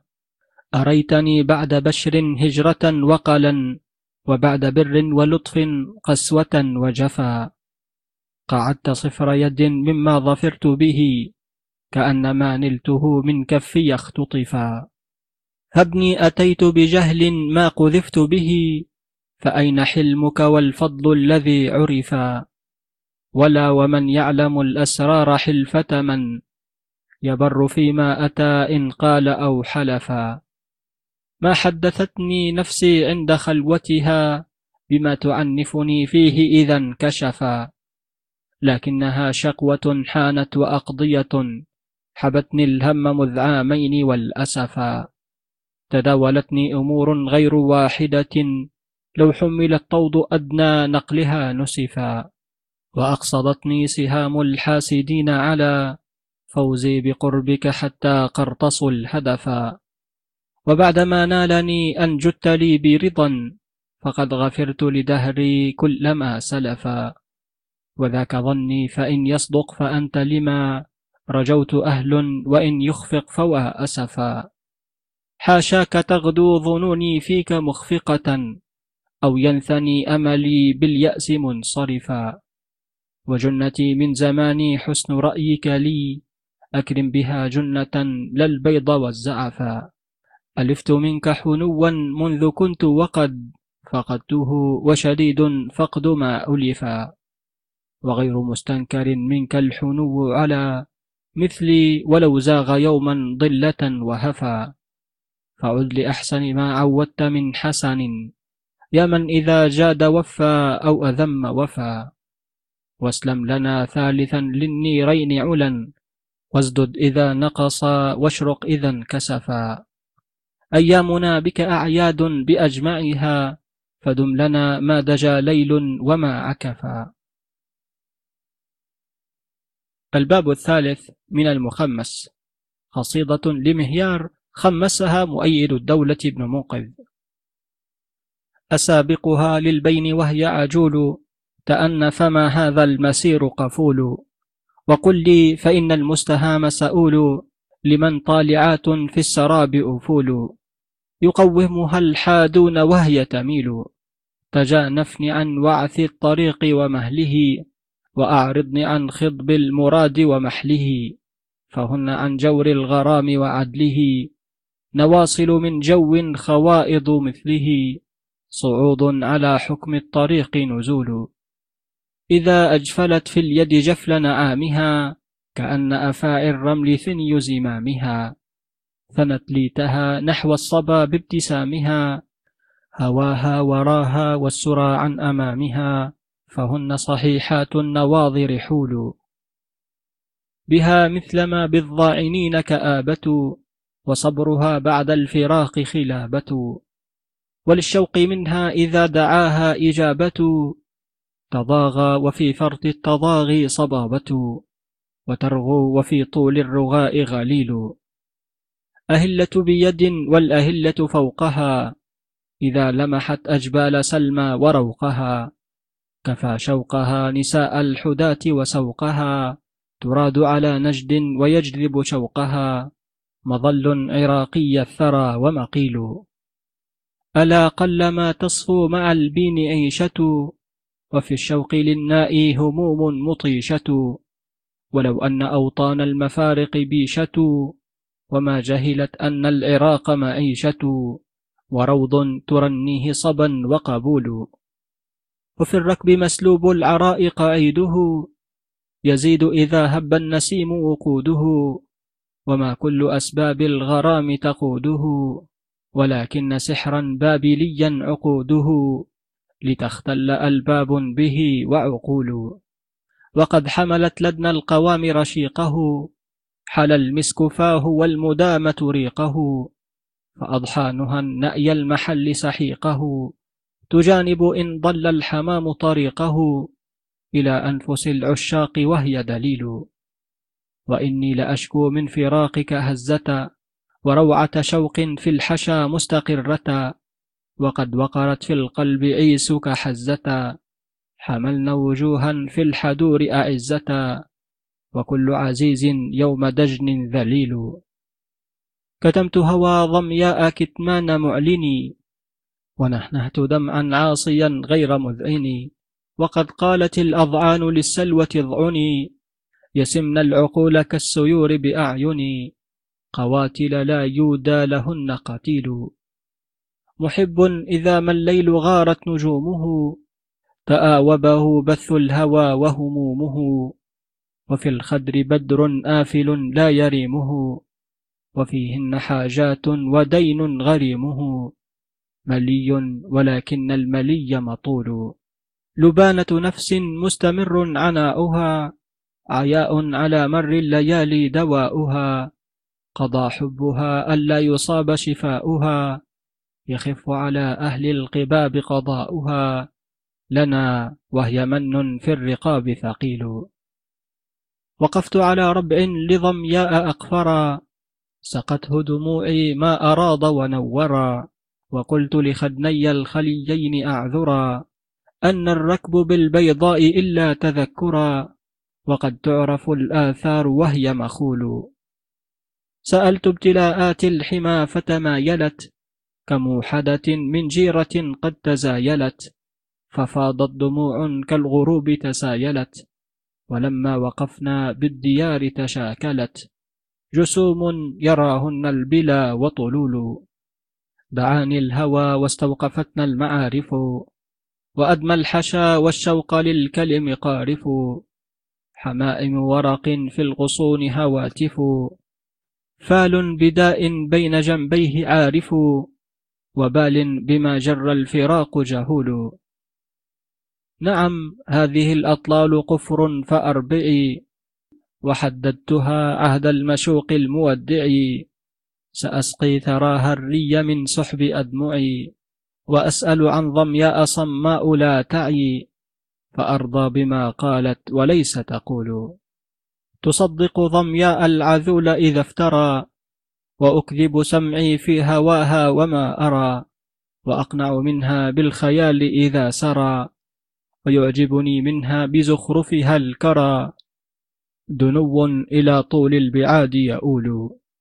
مللت فما تدنى إليك شفاعة وعندك للواشين سمع وطاعة وحفظ عهود الغادرين إضاعة وما أنت يا ظمياء إلا يراعة تميل مع الأرواح حيث تميل. لأنت لنفسي داؤها ودواؤها وراحتها لو نلتها وشفاؤها إذا بنت بانت أرضها وسماؤها. وإن كان سؤلا للنفوس بلاؤها فإنك للبلوى وإنك سؤلي. سلطان بن علي بن مقلد بن نصر بن منقذ ابن كنانة ابن قضاعة أبو العساكر الكناني ولد بأطرابلس سنة أربع وستين وأربعمائة وسمع من الفقيه أبي السمح إبراهيم الحنفي صحيح البخاري بشيزر وولي إمرتها بعد أخيه نصر ابن علي وله شعر أنشدنا ابنه أبو الفضل إسماعيل قال أنشدنا والدي لنفسه يوصينا. أبني لست بعالم ما أصنع بكم أأجمع شملكم أم أصدع؟ ما قطع الأرحام جاهلكم بما أبداه بل كبدي بذاك تقطع. أصبحت أعمى بل أصم تكلما. أمسيت أنظر منكم أو أسمع. وإذا يئست من الصلاح لفعلكم أملت أصلكم الزكي فأطمع وأقول جدكم أجل الترك من سلجوق تاج الدولة المتورع أضحى لأمر الله متبعا وإن أضحى له كل الخلائق يتبع وأبوكم من ليس ينكر أنه الندب الكمي الألمعي الأروع دار الجيوش برأيه وبسيفه عن شيزر فتفرقوا وتصدعوا. قد رد عنها الروم والإفرنج والأتراك والأعراب حين تجمعوا. أوصيكم بتقيا الذي أعطاكم ملكا تذل له الملوك وتخضع وبحفظ بعضكم لبعض ما غدا نجم يغور بأقته أو يطلع. لا يشمت بكم الوشاة وحاذروا أقوالهم فهي السهام المنقع. ورد الخبر أن الأمير أبا العساكر بن منقذ توفي يوم السبت للنصف من شوال سنة ثلاث وأربعين وخمسمائة. وله من قصيدة في الأمير مؤيد الدولة بن منقذ أين مضاء الصارم الباتر من لحظات الفاتن الفاتر؟ وأين ما يؤثر عن بابل من فعل هذا الناظر الساحر ظبي إذا لوح منه الهوى بواصل صرح عن هاجري يوهمني في قوله باطنا والحكم محمول على الظاهر. نام وأغرى الوجد بي فانظروا ما أولع النائم بالساهر. ثم اغتدى يقتضي نافرا يا عجبا للقانص النافر. عاتبته في غبرتي زاجرا خوفا على الأسرار من زاجري فاعتذرت عيني إلى عينه معذرة الوافي إلى الغادر. أضنى الهوى قلبي ليطوي به مسافة البين على ضامري. وطار فانقض عليه الجوى بكاسر الجفن على كاشر وقهوة نحسب كاساتها كواكبا في فلك دائر رعت بها ليل النوى فانجلى عن شمس هذا الزمن الناظر. وأبعد الأخطار تقريبها مؤيد الدولة من خاطر. وله أيضا من قصيدة في مؤيد الدولة. كيف قلتم ما عند عينيه ثار وبخديه من دمي آثار. لو شهدتم إعراضه وخضوعي لم يكن في قضيتي إنكار. يا لقومي وكيف تنكر قتلي؟ لحظات جحودها إقرار. إن تطلبتم من الطرف والوجنة عذري ففيهما أعذار. أو سألتم أي البذيعين أذكى؟ جل ناري أم ذلك الجنار؟ ما أراني ليلي بغير نهار. غير ليل يلوج فيه نهار زاد إشراق وجهه بين صدغيه وفي الليل تبرق الأقمار. لا تسلني عن الهوى فهو في الأجفان ماء وفي الجوانح نار. ويظن العذول أن مشيي ضاحك عنه لمة وعذار. لم أشب غير أن نار فؤادي ألهبت فاعتلى الدخان شرار. إسماعيل ابن إبراهيم ابن أحمد الشيباني أبو الفضل القاضي الحنفي المعروف بابن الموصلي. تولى القضاء نيابة. يحكم على مذهب أبي حنيفة رضي الله عنه بدمشق إلى أن مات. وكان فقيها فاضلا حنفي المذهب مشكور السيرة. وروى عن أبي المظفر أسامة بن مرشد بن موقذ وكان مولده ببصرة في أربع عشر ربيع الآخر سنة أربع وأربعين وخمسمائة وتوفي رحمه الله بدمشق يوم الإربعاء تاسع جماد الأولى سنة تسع وعشرين وستمائة. إسماعيل بن إبراهيم بن علي إسماعيل بن إبراهيم بن أبي علي حدث بجزء إبراهيم بن هدبة عن مؤيد الدولة أسامة بن مرشد بن علي بن منقذ وتوفي في حدود الستمائة إسماعيل بن سلطان بن علي بن مقلد بن نصر بن منقذ أبو الفضل بن أبي العساكر ابن أبي الحسن ابن أبي المتوج الملقب شرف الدولة الكناني الشيزري. وقد سبق تمام نسبه في ترجمة أسامة بن مرشد ابن علي.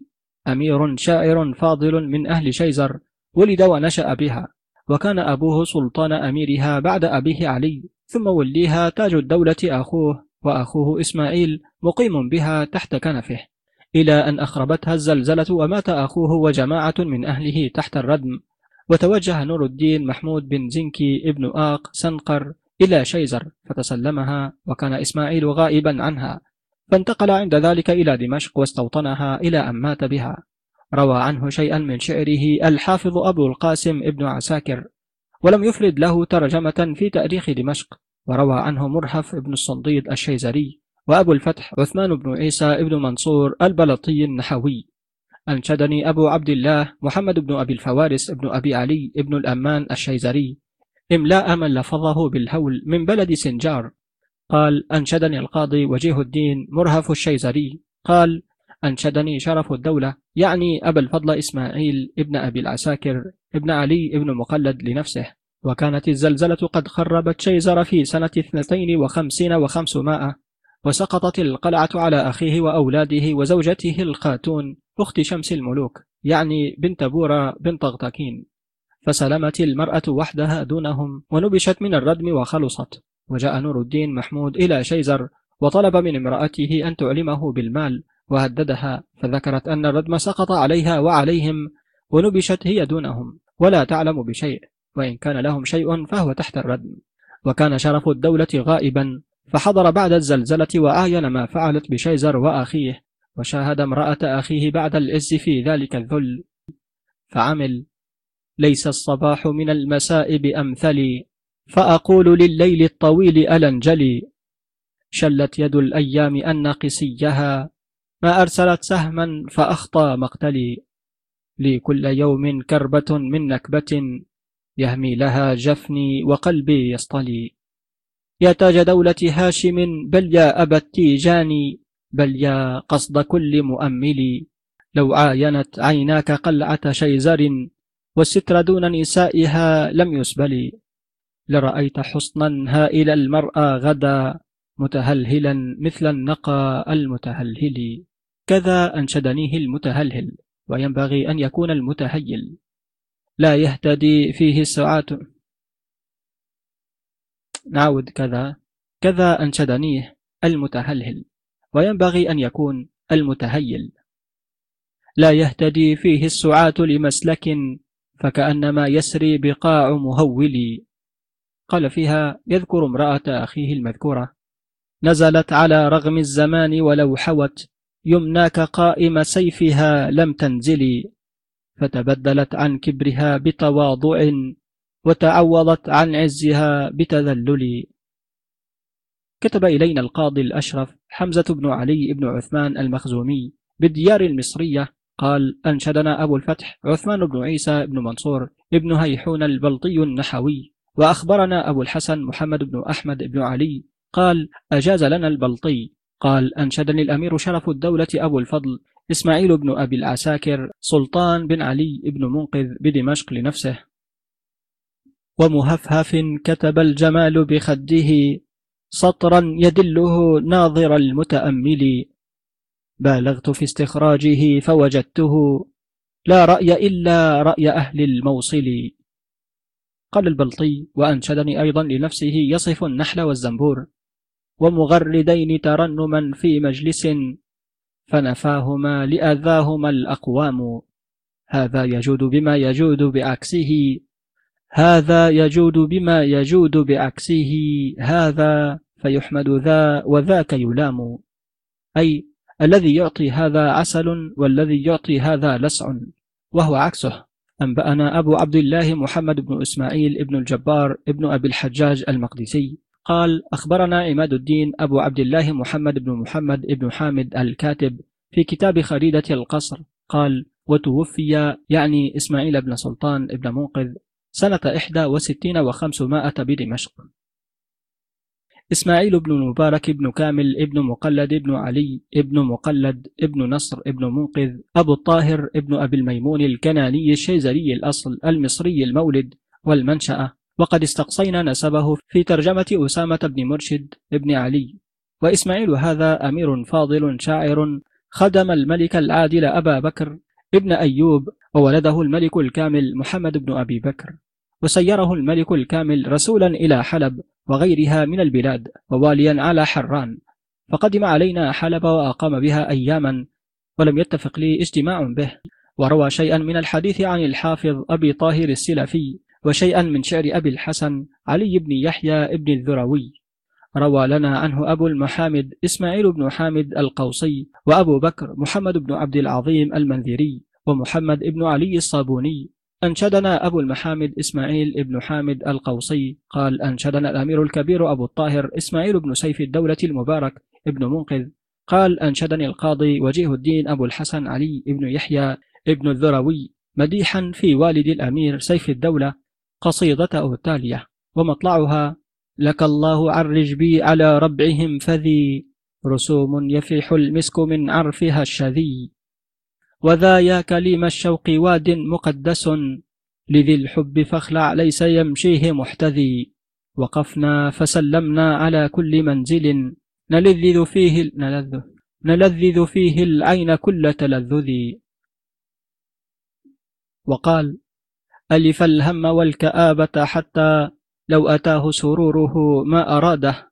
ليس ذا قسوة ولكن مرادي أن ينال الحبيب من ما أراده. إن حرمت الوصال منه حياة فلعلي فيه أنال الشهادة.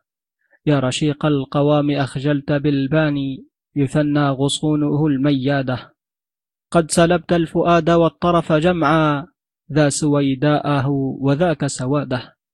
هل ترى فيه ما تكون صدغاك فخطى على العذار مداده؟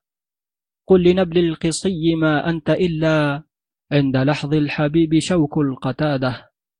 ولقرب السيوف أنت جفون لعيون تذودنا ميادة. ولغيب السحاب سحقا بتاتي كأسنا قد أبان فيك الزهادة. أنت تسقي وتحجب البدر عنا وهو يسقي وبدره في زيادة. منطقته العيون حسنا ولولا خشية من سناه كن قلادة. ونقلت هذه الأبيات التالية من خط الأمير حسام الدين أبي بكر محمد بن مرهف بن أسامة بن منقذ للأمير جمال الدين إسماعيل بن الأمير سيف الدولة المبارك ابن منقذ. وذكر أنه سمع منه هذه الأبيات ونقلت من خطه من شعر ابن أمه إسماعيل المذكور. في للحاط وهي في أجفانها قد قتل الإنسان من ألسانها. مشهورة قتلتها مشهورة فكيف تردي وهي في أجفانها؟ ألد الحمى وإن غدت فاتكة تفر بعد البأس من غزلانها. لو لم تكن رماحها قدودها ما كانت الألحاظ من خرسانها. بكيت وجدا بهم حتى بكت حمائم الأيك على أغصانها فإن تكن صادقة في نوحها. آه، نعاود آه، البيت. بكيت. بكيت وجدا بهم حتى بكت حمائم الأيك على أغصانها فإن تكن صادقة في نوحها مثل وداع الشوق من أشجانها لم تلبس الأطواق في أعناقها وتخضب الحناء في بنانها. قال لي أبو بكر محمد بن عبد العظيم إسماعيل بن مبارك أحد أمراء الدولتين العادلية والكاملية سمع بالإسكندرية أبا طاهر أحمد بن محمد بن أحمد السلفي الأصبهاني وبمصر من والده وحدث وسئل عن مولده فقال في العشرين من رجب سنة تسع وستين وخمسمائة بالقاهرة وتوفي في شهر رمضان سنة ست وعشرين وستمائة بمدينة حران. أخبرنا شهاب الدين أبو المحامد إسماعيل ابن حامد القوصي قال وهذا الأمير جمال الدين إسماعيل ابن منقذ رحمه الله كان أميرا وكاملا وكبيرا فاضلا وندبه السلطان الملك الكامل رحمه الله رسولا إلى المغرب فأبان عن نهضة وكفاية وحسن سفارة لما كان جامعا له من حسن صورة وسيرة وعذوبة لفظ وسداد عبارة وولاه ولاية مدينة حران وجمع له بين الولاية والإمارة وتوفي بها في شهور سنة سبع وعشرين. قال ومولده بمصر في شهور سنة تسع وستين وخمسمائة. تعليق وقع إلي بخط مرهف بن مرهف ابن أسامة بن مرشد ابن منقذ ذيل به على تعليق في التأريخ بخط أبيه مرهف بن أسامة ابن منقذ في سنة سبعين وخمسمائة ولد إسماعيل بن مبارك ابن كامل ابن منقذ أنبأنا أبو محمد عبد العظيم ابن عبد القوي المنذري. قال في ذكر من توفى سنة ست وعشرين وستمائة في كتاب التكملة لوفايات النقلة وفي شهر رمضان توفي الأمير الأجل أبو الطاهر إسماعيل ابن الأمير الأجل سيف الدولة أبي الميمون المبارك ابن كامل ابن مقلد ابن علي ابن نصر ابن منقذ الكناني الشيزري الأصل المصري المولد والدار المنعوت بالجمال بحران ودفن بظاهرها. وكان له شعر وأدب كثير وتلاوة القرآن الكريم وترسل عن السلطان الملك الكامل إلى الفرنج خذلهم الله تعالى وهم إذ ذاك بثغر دمياط المحروس فبلغنا أنه كان يختم بها في كل يوم ختمة. الأشرف بن الأعز ابن هاشم ابن القاسم ابن محمد ابن سعد الله أبو هاشم وقيل أبو الأعز وقيل أبو العز الحسني الرملي النسابة المعروف بتاج العلا وبابن الناقلة. حدث عن أبي إسحاق بن فضلان الترصوصي وسمع أسامة بن مرشد المنقذي قدم حلب في جمادي الآخرة سنة 600 وكان أصله من الكوفة وانتقل بعض سلفه إلى الرملة وكان يذكر أن مولده في شهر ربيع الثاني سنة سبع وتسعين وأربعمائة وأظنني سمعته يذكر ذلك وكان كثير من الناس يكذبونه في زعمه ذلك. فإنه كان يدعي أن عمره مائة وثلاث عشرة سنة وكان غير مأمون على ما ينقله كثير الكذب فيما يخبر به. ظفرت بكتاب كتبه مؤيد الدولة أسامة بن مرشد ابن علي بن منقذ الكناني. إلى أخيه أبي المغيث منقذ بن مرشد على يد تاج العلا إلى آمد دفعه إلى القاضي بهاء الدين أبي محمد الحسن بن إبراهيم بن الخشاب يتضمن التنبيه على فضل تاج العلا وذكر مناقبه. فنقلت من خط أسامة في أثناء الكتاب. عبدك ينهي أنه اجتمع بالأمير السيد الأحد الأوحد العالم علاء الدين أبي العز الأشرف ابن الأعز الحسني. أدام الله علوه. فرأى آذي بحر لجميع العلوم زاخر مضاف إلى النسب الشريف الفاخر. جليسه منه بين روضة وغدير وأدب بارع وفضل غزير. قد احتوى على فنون الأدب وأحكم معرفة السير والنسب. وما أصف لك يا مولاي فضله. غير أنني والله ما رأيت مثله. وما أنت يا مولاي جعلت فداءك ممن ينبه على فضيلة ولا يحث على مكرمة. فاصرف همتك إلى ما تلقاه به من الأكرام والتبجيل بفضل علمه الغزير وشرفه الأصيل. نقلت من خط العماد أبي عبد الله محمد بن محمد بن حامد الأصبهاني في كتاب السيل والذيل الذي ذيل به على خريدة القصر. قال الشريف شرف الدين الأشرف بن الأعز ابن هاشم الحسني الرملي المعروف بالناقلة أن السابة المقيم بحصن كيف مولده بحمران بين مكة والمدينة وقد سافر إلى بلاد المغرب والمشرق والأندلس وصقلية ومصر وأذربيجان وغيرها. حضر عندي بالخيمة على آمد في خامس المحرم سنة تسع وسبعين وخمسمائة ورأيته مفوها منطيقا ورأيته بسيماء الشباب. فسألت عن سنه فقال أربيت على الخمسين. فهذا يدل على أن مولده كان في حدود الثلاثين قبلها. وقد كان العماد يظن أن سنه أصغر مما ادعاه وتدرج بعد ذلك إلى أن ادعى أن مولده سنة سبع وتسعين وأربعمائة. توفي تاج العلا النسابة بحلب في يوم الأحد سلخ صفر من سنة عشر وستمائة. الأصيلح المعلم الكفرطابي كان معلما بكفرطاب وله شعر أخبرنا أبو الحسن محمد بن أحمد القرطبي عن مؤيد الدولة أبي المظفر أسامة بن مرشد ابن علي بن منقذ قال كان الأصيلح معلما في كفرطاب وكان يوسف بن المنيرة أبو أستاذي حائكا ثم تأدب وصار معلما فقال فيه الأصيلح أي عقل لحائك في الآثام لا ولا قيد نحوه بزمام نصفه نازل مع الجن في البئر وباقيه قاعد في قيام. أبو صالح بن المهذب المعري وهذا غير أبي صالح محمد بن علي بن المهذب الذي كان في عصر أبي العلاء بن سليمان فإن هذا متأخر العصر بعد الخمسمائة. أخبرنا أبو الحسن محمد بن أبي جعفر أحمد بن علي الفنكي بدمشق قال أنشدني مؤيد الدولة أسامة بن مرشد بن منقذ لنفسه وذكر أنه قالها على لسان الشيخ أبي صالح بن المهذب رحمه الله. وكانت فيه حدة مع فضل وعلم وتقن. وكان نزل بشيزر وفريق من العرب معهم جارية اسمها شوق مستحسنة. وكتب الأبيات ورمى بها نسخا بشيزر فوقع منها بيد الشيخ أبي صالح رحمه الله. فقامت قيامته ولم يدري أحد من عمل الأبيات. فقال له الشيخ العالم أبو عبد الله محمد بن يوسف المعروف بابن المنيرة رحمه الله وهو مؤدبه هذه الأبيات التي قد رميت ما يحسن تقولها إلا أنا والقاضي أبو مرشد ابن سليمان أو أنت وأنا وأبو مرشد ما قلناها وما قالها غيرك. وهي قولا لرئم في حلة العرب إليك أشكو ما يصنع اسمك بي بما استخارت عيناك سفك دمي وأخذ قلبي في جملة السلب. لولاك والدهر كله عجب. ما حضرت في ذمة العرب. جارك أولى برأي ذمته.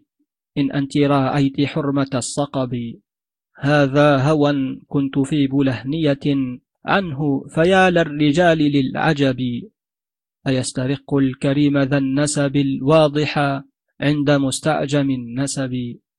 ويحمل الثأر من به خور عن احتمال الخجال والقلب.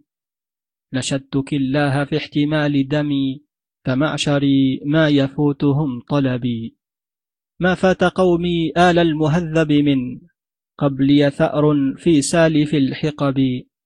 ولا تريقي دما لدى أدب يسطو بأقلامه على القضب. أبو النمر ابن العنزي القاضي من بيت كبير بالشام مشهور ولهم اتصال بملوكها وحرمة عندهم واصلهم من كفرطاب وسكنوا حماة بعد استيلاء الفرنج على كفرطاب وهذا القاضي أبو النمر كتب عنه مؤيد الدولة أسامة بن مرشد ابن منقذ فإنني نقلت من خط أسامة من كتابه الموسوم بأزهار الأنهار. قال حدثني القاضي أبو النمر ابن العنزي رحمه الله بحصن شيزر قال سافرت إلى اليمن فأتاه الخبر بإصيان بلد من بلاده فركب وسار إليه وأنا صحبته وهو في خلق كثير على الركاب وأقسم ليستبحن دماءهم وأموالهم. فسرنا حتى نزلنا على المدينة وأمرنا بالتأهب لقتالهم وهجم المدينة.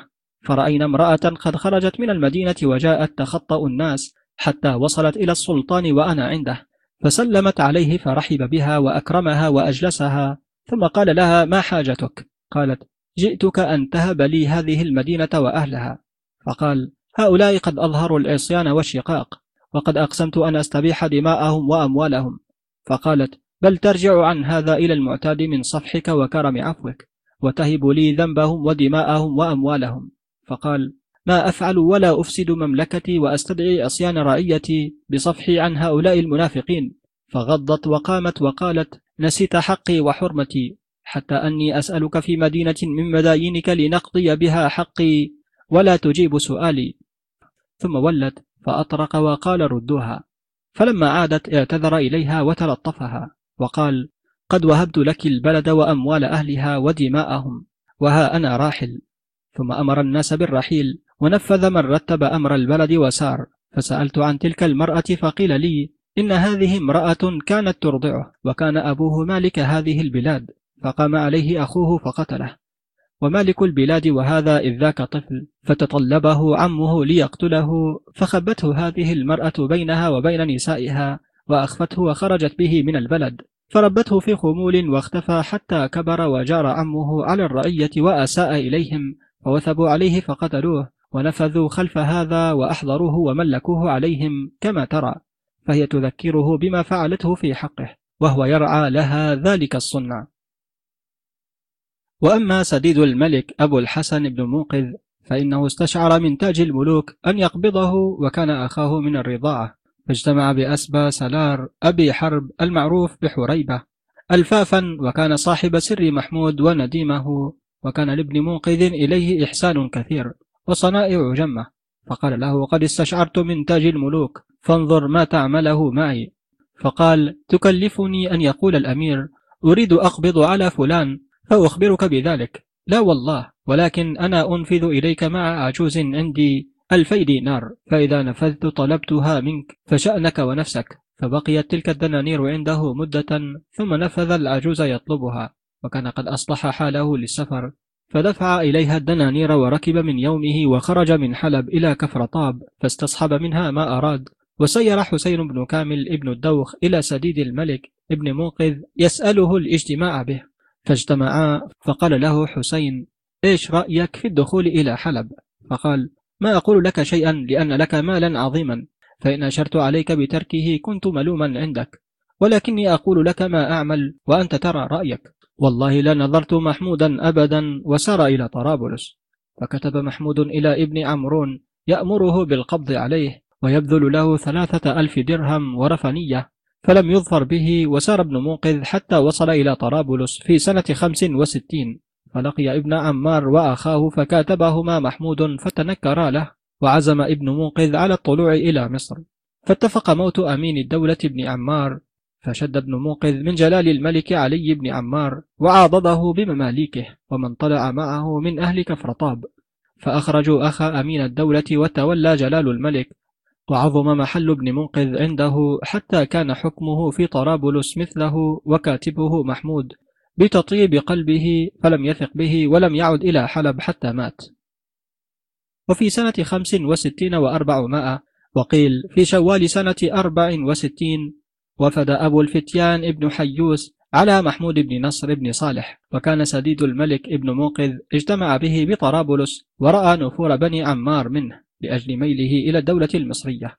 فأشار عليه أن يقصد محمودا بحلب فقصده صحبة نصر بن سديد الملك ابن منقذ فأحضره محمود وكان قد جلس في مجلسه وأمر بإحضار الشراب فشرب أقداحا ثم قال ارفعوا الخمر فإن ابن حيوس يحضرني ممتدحا وفي نفسي أن أهبه جائزة سنية فإن كان شراب في مجلسي قيل وهبه وهو سكران. فرفع الخمر وحضر الأمير أبو الفتيان فأنشده قصيدته الميمية التي أولها قفوا في القلا حيث انتهيتم تذمما ولا تقتفوا من جار لما تحكما. أرى كل معوج المودة يصطفى لديكم ويلقى حتفه من تقوما. وهي قصيدة طويلة أحسن فيها كل الإحسان وذكر إشارة ابن منقذ عليه بقصده فقال سأشكر رايا منقذيا أخلني ذراك فقد أولى جميلا وأنعما. فوهب له ألف دينار ذهبا في صينية فضة وجعلها له رسما عليه في كل سنة واحتفر الخندق بحلب فجاءه أبو الفتيان فقال هذه أعمال يعجز عنها كسرى وذو الأكتاف. فقال محمود ما كان الأمير أبو الحسن ينقذه حتى زيدته. وكان سديد الملك بن منقذ قد وفد على شرف الدولة ونزل معه على حلب وكان شرف الدولة قد عزم على الرحيل عن حلب لما حل بهم من الضجر ومصابرة أهل حلب. وغلت الأسعار عندهم حتى صار الخبز ستة أرطال بدينار. وقرب سديد الملك أبو الحسن بن منقذ من سور القلعة. فطلع إليه صديق له من أهل الأدب فقال له كيف أنتم؟ فقال طول جب خوفا من تفسير الكلمة. فعاد ابن منقذ وهو يقلب هذا الكلام فصح له أنه قصد بكلامه أنهم قد ضعفوا. وأوجس أنها كلمتان وأن قوله طول يريد به مدى وجب يريد به بير. فقال فقال مدى بير والله فأعلم شرف الدولة بذلك فقوى نفسه فملكها. وكان سديد الملك بن موقذ قد عمر قلعة الجسر وبها أسقف البارة وضيق عليه إلى أن راسله واشتراها منه واستخلفه على أشياء أشرطها عليه. ولم يزل ابن موقذ يعيده الجميل ويتلطف له إلى أن سلم إليه حصن شيزر ليلة الأحد النصف من شهر رجب من سنة أربع وسبعين وأربعمائة ووفى له ابن موقذ بكل ما عاهده عليه. فثقل ذلك على شرف الدولة وحسد ابن موقذ على شيزر فسار عسكر حلب مع مؤيد الدولة علي بن قريش إلى شيزر ونزلوا عليها في يوم الجمعة خامس ذي الحجة سنة أربع وسبعين وأربعمائة بعد مراسلات جرت. فلم يجب ابن موقذ إلى ما التمس منه. وكان علي بن قريش قد أخذ في طريقه حصنا لابن موقذ. يقال له أسفونا غربي كفرطاب وكان ابن موقذ قد تأهب للحصار. وحمل من الجسر إلى شيزر ما يكفي لمن فيه مدة طويلة من سائر الأشياء. وحصره علي بن قريش مدة إلى أن وصل شرف الدولة بنفسه. فنزل على شيزر يوم الإربعاء سلخ المحرم من سنة خمس وسبعين وأربعمائة ثم رحل عنها إلى حمص يوم السبت ثالث صفر وأقام عسكره على شيزر فتطارح ابن موقذ عليه وسير ابنه أبا العساكر وامرأته منصورة بنت المطوع وأخته رفيعة بنت منقذ إلى حمص فدخلوا عليه وحملوا إليه مالا فأنفذ إلى عسكره ورحله عن شيزر في الثامن والعشرين من صفر من السنة. أسامة بن مرشد ابن علي ابن مقلد ابن نصر ابن منقذ الأمير الكبير مجد الدين مؤيد الدولة أبو المظفر الكناني الشيزري الأديب أحد أبطال الإسلام ورئيس الشعراء الأعلام. ولد بشيزر في سنة ثمان وثمانين وأربعمائة وسمع سنة تسع وتسعين نسخة ابن هدبة من علي بن سالم السنبسي. سمع منه أبو القسم ابن عساكر الحافظ وأبو سعد ابن السمعاني. وأبو المواهب ابن صصرى والحافظ عبد الغني وولده الأمير أبو الفوارس مرهف والبهاء عبد الرحمن وشمس الدين محمد بن عبد الكافي وعبد الصمد بن خليل بن مقلد الصائغ وعبد الكريم بن نصر الله ابن أبي سراقة وآخرون وله شعر يروق وشجاعة مشهورة دخل ديار مصر وخدم بها في أيام العادل بن السلار ثم قدم دمشق وسكن حماة مدة وكان أبوه أميرا شاعرا مجيدا أيضا. وقال ابن السمعاني قال لي أبو المظفر أحفظ أكثر من عشرين ألف بيت من شعر الجاهلية. ودخلت بغداد وقت محاربة دبيس والمسترشد بالله. ونزلت الجانب الغربي وما عبرت إلى شرقيها. فقال العماد الكاتب مؤيد الدولة أعرف أهل بيته في الحسب وأعرفهم بالأدب. وجرت له نبوة في أيام دمشقيين وسافر إلى مصر فأقام بها سنين في أيام المصريين. ثم عاد إلى دمشق وكنت أسمع بفضله وأنا بأصبهان وما زال بنو منقذ مالكي شيزر إلى أن جاءت الزلزلة في سنة نيف وخمسين وخمسمائة فخربت حصنها وأذهبت حسنها وتملكها نور الدين عليهم وأعاد بناءها فتشعبوا شعبا وتفرقوا أيدي سبا وأسامة كاسمه في قوة نثره ونظمه. يلوح في كلامه أمارة الإمارة ويؤسس بيت قريضه عمارة العبارة. انتقل إلى مصر فبقي بها مؤمرا مشارا إليه بالتعظيم. إلى أيام ابن رزيك فعاد إلى دمشق محترما حتى أخذت شيزر من أهله. ورشقهم صرف الزمان بنبله. ورماه الحدثان إلى حصن كيفا مقيما بها في ولده. مؤثرا بلدها على بلده. حتى أعاد الله دمشق إلى سلطنة صلاح الدين ولم يزل مشغوفا بذكره مستهترا بإشاعة نظمه ونثره. والأمير عضد الدولة ولد الأمير مؤيد الدولة جليسه ونديمه. فطلبه إلى دمشق وقد شاخ فاجتمعت به وأنشدني لنفسه في قلع ضرسه. وصاحب لا أمل الدهر صحبته يشقى لنفعي ويسعى سعي مجتهدي. لم ألقه مذ تصاحبنا فحين بدا لناظري افترقنا فرقة الأبد. قال العماد ومن عجيب ما اتفق لي أني وجدت هذين البيتين مع آخر في ديوان أبي الحسين أحمد بن منير الرقاء المتوفى سنة ثمان وأربعين وخمسمائة وهي وصاحب لا أمل الدهر صحبته يسعى لنفعي وأجني ضره بيدي. أدنى إلى القلب من سمعي ومن بصري ومن تلادي ومن مالي ومن ولدي. أخلو ببثي من خال بوجنته. مداده زائد التقصير للمدد. والأشبه أن ابن منير أخذهما وزاد عليهما. ولأسامة في ضرس آخر. اعجب بمحتجب عن كل ذي نظر. صحبته الدهر لم أسبر خلائقه. حتى إذا رابني قابلته فقضى. حياؤه وإياي أن أفارقه. وله وصاحب صاحبني في الصبا حتى ترديت رداء المشيب. لم يبدو لي ستين حولا ولا بلوت من أخلاقه ما يريب. أفسده الدهر ومن ذا الذي يحافظ الدهر بظهر المغيب. منذ افترقنا لم أصب مثله. عمري ومثلي أبدا لا يصيب. وله قالوا نهته الأربعون عن الصبا وأخو المشيب يحوم نمت يهتدي. كم حار في ليل الشباب فدله صباح المشيب على الطريق الأقصد. وإذا عددت سني ثم نقصتها زمن الهموم فتلك ساعة مولدي.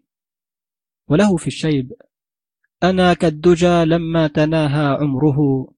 نشرت له أيدي الصباح ذوائبا وله انظر إلى لائب الشطرنج يجمعها مغالبا ثم بعد الجمع يرميها كالمرء يكدح للدنيا ويجمعها حتى إذا ما تخلاها وما فيها. وله إلى الصالح طلائع بن رزيك وزير مصر يسأله تسير أهله إلى الشام وكان صالح بن رزيك يتوقع رجوعه إلى مصر. اذكرهم الود إن صدوا وإن صدفوا إن الكرام إذا استعطفتهم عطفوا. ولا ترد شافعا إلا هواك لهم كفاك ما اختبروا منه وما كشفوا. يا جيرة القلب والفسطاط دارهم لم تسقب الدار لكن أسقب الكلف. فارقتكم مكرها والقلب يخبرني أن ليس لي عوض منكم ولا خلف؟ ولو تعوضت بالدنيا غبنت وهل يعوضني عن نفيس الجوهر الصدف؟ ولست أنكر ما يأتي الزمان به كل الورى لرزايا دهرهم هدف. ولا أسفت لأمر فات مطلبه لكن لفرقة من فارقته الأسف. المالك الصالح الهادي الذي شهدت بفضل أيامه الأنباء والصحف. ملك أقل عطاياه الغنى فإذا أدناك منه فأدنى حظك الشرف. سعت إلى زهده الدنيا بزخرفها طوعا وفيها على خطابها صلف. مسهد وعيون الناس هاجعة على التهجد والقران معتكف. وتشرق الشمس من لألاء غرته في دسته فتكاد الشمس تنكسف. فأجابه الصالح وكان يجيد النظم رحمه الله. آدابك الغر بحر ما له طرف في كل جنس بدا من حسنه طرف. نقول لما أتانا ما بعثت به هذا كتاب أتى أم روضة أنف إذا ذكرناك مجد الدين عاودنا شوق تجدد منه الوجد والأسف. يا من جفانا ولو قد شاء كان إلى جنابنا دون أهل الأرض ينعطف. ولأسامة مع الثمانين عاث الضعف في جسدي وساءني ضعف رجلي واضطراب يدي. إذا كتبت فخطي خط مضطرب كخط مرتعش الكفين مرتعد. فاعجب لضعف يدي عن حملها قلما من بعد حطم القنا في لبة الأسد. وإن مشيت وفي كف العصا ثقلت رجلي كأني أخوض الوحل في الجلد. فقل لمن يتمنى طول مدته؟ هذه عواقب طول العمر والمدد. ولما قدم من حصن كيف على صلاح الدين قال حمدت على طول عمر المشيبا وإن كنت أكثرت فيه الذنوبا لأني حييت إلى أن لقيت بعد العدو صديقا حبيبا. لا تستعر جلدا على هجرانهم فقواك تضعف عن صدود دائم. واعلم بأنك إن رجعت إليهم طوعا وإلا عدت عودة راغم. وعندي له مجلد يخبر فيه بما رأى من الأهوال. قال حضرت من المصافات والوقعات مهول أخطارها. واصطليت من سعير نارها وباشرت الحرب وأنا ابن خمس عشرة سنة إلى أن بلغت مدى التسعين وصرت من الخوالف خدين المنزل وعن الحروب بمعزل. لا أعد لمهم ولا أدعى لدفاع ملم. بعدما كنت أول من تثنى عليه الخناصر وأكبر العدد لدفع الكبائر أول من يتقدم السنجقية عند حملة الأصحاب وآخر جاذب عند الجولة لحماية الأعقاب. كم قد شهدت من الحروب فليتني في بعضها من قبل نكسي أقتل. فالقتل أحسن بالفتى من قبل أن يفنى ويهليه الزمان وأجمل. وأبيك ما أحجمت عن خوض الردى في الحرب يشهد لي بذاك المنصل.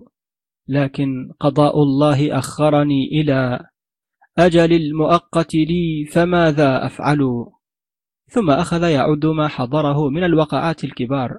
قال فمن ذلك وقعة كانت بيننا وبين الإسماعيلية في قلعة شيزر لما وثبوا على الحصن في سنة سبع وخمسمائة.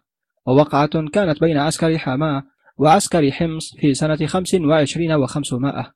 ومصافة على تكريت بين أتابيك زنكي ابن أقصنقر وبين قراجة صاحب فرس في سنة ست وعشرين. ومصافة بين المسترشد بالله وبين أتابيك زنكي على بغداد في سنة سبع وعشرين ومصافة بين أتابيك زنكي وبين الأرتقية وصاحب آمد على آمد في سنة ثمان وعشرين ومصافة على رفنية بين أتابيك زنكي وبين الفرنج في سنة إحدى وثلاثين ومصافة على قنسارين بين أتابيك وبين الفرنج لم يكن فيه لقاء في سنة اثنتين وثلاثين. ووقعة بين المصريين وبين رضوان الولخشي سنة اثنتين وأربعين ووقعة بين السودان بمصر في أيام الحافظ في سنة أربعين وأربعين ووقعة كانت بين الملك العادل ابن السلار وبين أصحاب ابن مصال في السنة ووقعة أيضا بين أصحاب العادل وبين ابن مصال في السنة أيضا بدلاس.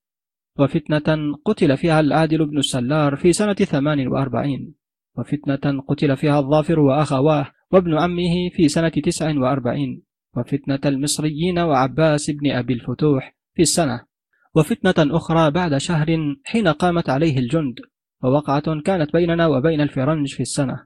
ثم أخذ يسرد عجائب ما شاهد في هذه الوقعات ويصف فيها شجاعته وإقدامه رحمه الله.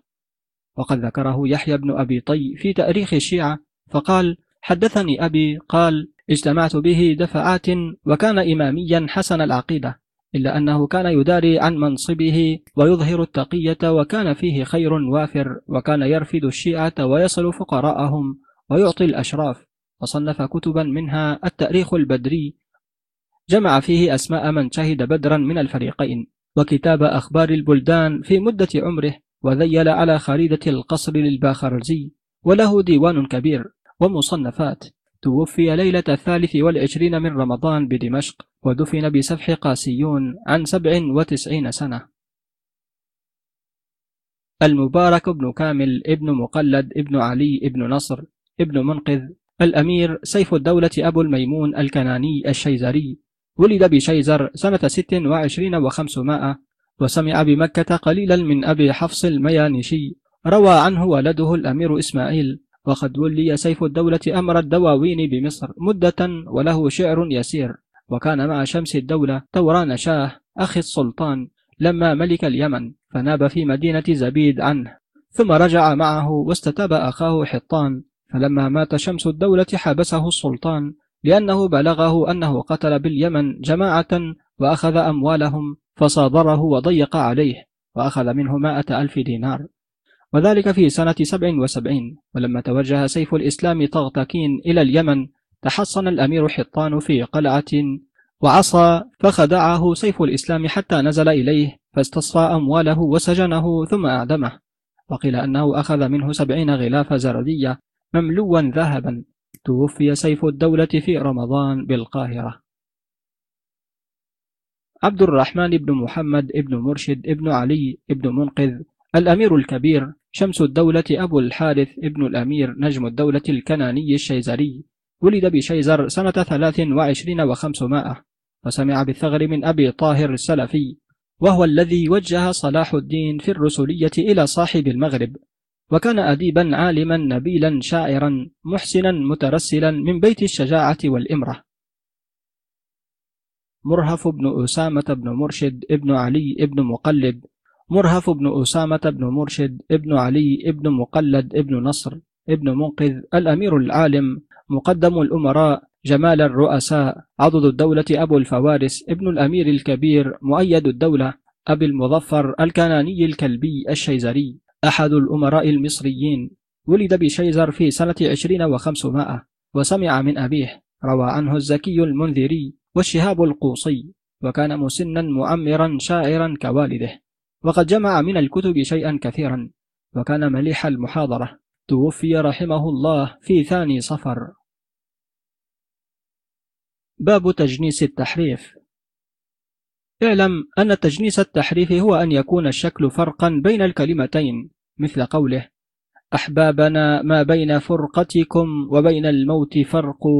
جازيتمونا في فعالكم بما لا نستحق.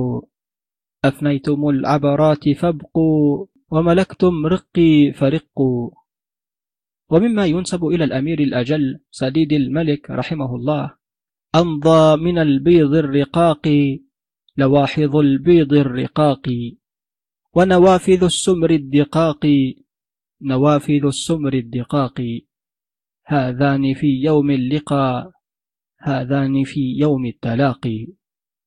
أحبابنا لي فيكم روح تساق إلى السياق رفقا بها إن كنتم ممن يرى حق الرفاق. وقال آخر أأنتم زعمتم أنني غير عاشق وأني لا أعبى بين مفارقي؟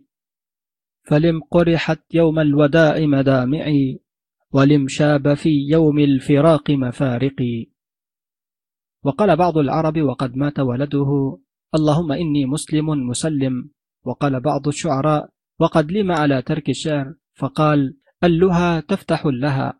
ومنه للقاضي أبي سعيد رحمه الله قلب وقلب في يديك معذب ومنعم. ظمآن يطلب قطرة تشفي صداه ومفعم. وللبحتري سقم دون أعين ذات سقم. وعذاب دون الثنايا العذاب. ومنه لئن سلمني الله وبالصنع تولاني وأوطى لي أوطاني وأعطاني أعطاني وأخلى ذرعي الدهر وخلاني وخلاني فلا عدت إلى الغربة ما كر الجديدان. فإن عدت لها يوما فسجاني سجاني وللموت الوحي الأحمر القاني ألقاني. باب تجنيس التركيب. اعلم أن تجنيس التركيب هو أن الكلمة مركبة من كلمتين كما قال الشيخ أبو العلاء البابلية باب كل بلية فتوقين دخول ذاك الباب. ولبعضهم وهو من المعجز الذي ليس مثله. إن تلقك الغربة في معشر تضافروا فيك على بغضهم فدارهم ما دمت في دارهم وأرضهم ما دمت في أرضهم. وأنشدني الفقيه أبو السمح رحمه الله اصرف بسمعك عن صدى متسمعل وابرأ بوهمك عن ردى متبرهم. ما در هم فتى وصر أذينه إلا لدينار يصر ودرهم. وقال بعض الصالحين إنما سمي الدينار دينارا لأنه دين ونار أي تصل به إليهما. وإنما سمي الدرهم درهما لأنه يدر الهم. وهذا يشبه قول بعض المفسرين أن معنى اسم إبراهيم عليه السلام لأنه شفى الكفار من مرض الكفر.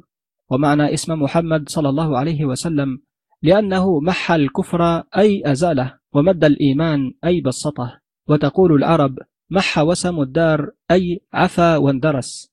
وشعر أبي الفتح البستي أكثره من هذا الباب وقد تبعه الناس في ذلك. فقال شاعرنا أحمد بن يعقوب وأهي في الخصر مثل الليل طرته وصدغه خزري الجنس أولاني. أوليت وصلا فأولاني قطيعته بئس الجزاء بما أوليت أولاني. ولغيره ومعان قتل النفوس معاني قد رمى قد رمى أصاب جناني. ناظراه فيما جنى ناظراه أودعاني أمت بما أودعاني أوصلاني إلى المنى أوصلاني بالأمان التي تبيد الأماني. وللصوري ترك الضائنون صدري بلا قلب وعيني عينا من الهملان.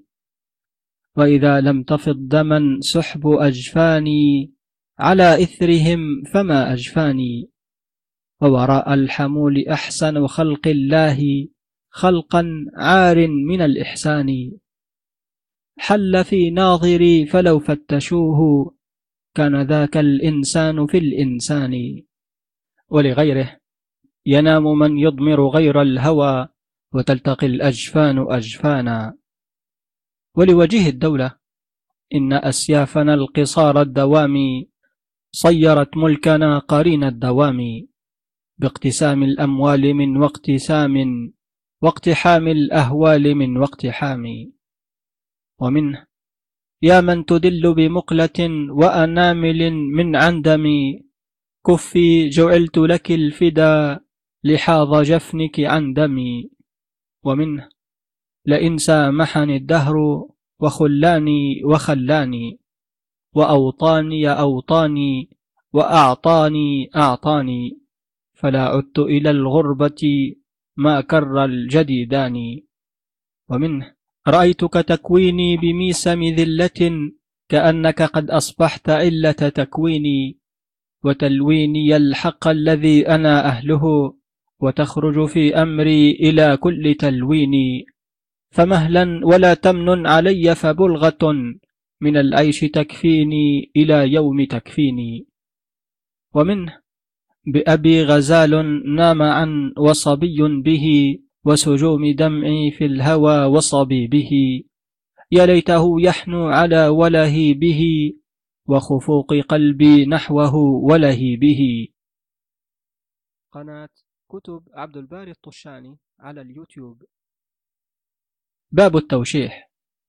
اعلم أن التوشيح هو أن تريد الشيء فتعبر عنه عبارة حسنة وإن كانت أطول منه كما قال ابن المعتز وأذريون أتاك في طبقه كالمسك في ريحه وفي عبقه قد نفض العاشقون ما صبغ الهجر بألوانهم على ورقه. فإن البيت كله عبارة عن شبه الحسى بالدر. وقد أحسن المنازي في اتباعه. وقانا لفحة الرمضاء روض سقاه مضاعف الغيث العميم. حللنا دوحه فحنى علينا حنو الوالدات على اليتيم. وأرشفنا على ظما زلالا ألذ من المدامة للنديم. نباري الشمس أن واجهتنا فنحجبها ونأذن للنسيم. يروع حصاه حالية العذارى فتلمس جانب العقد النظيم. وهذا مأخوذ من قول الرفاء. يريك من شرف الألفاظ منطقه در العقود غدت محلولة العقد وللأمير سديد الملك رحمه الله جزى الله نصرا خير ما جزيت به. رجال قضوا فرض العلا وتنفلوا.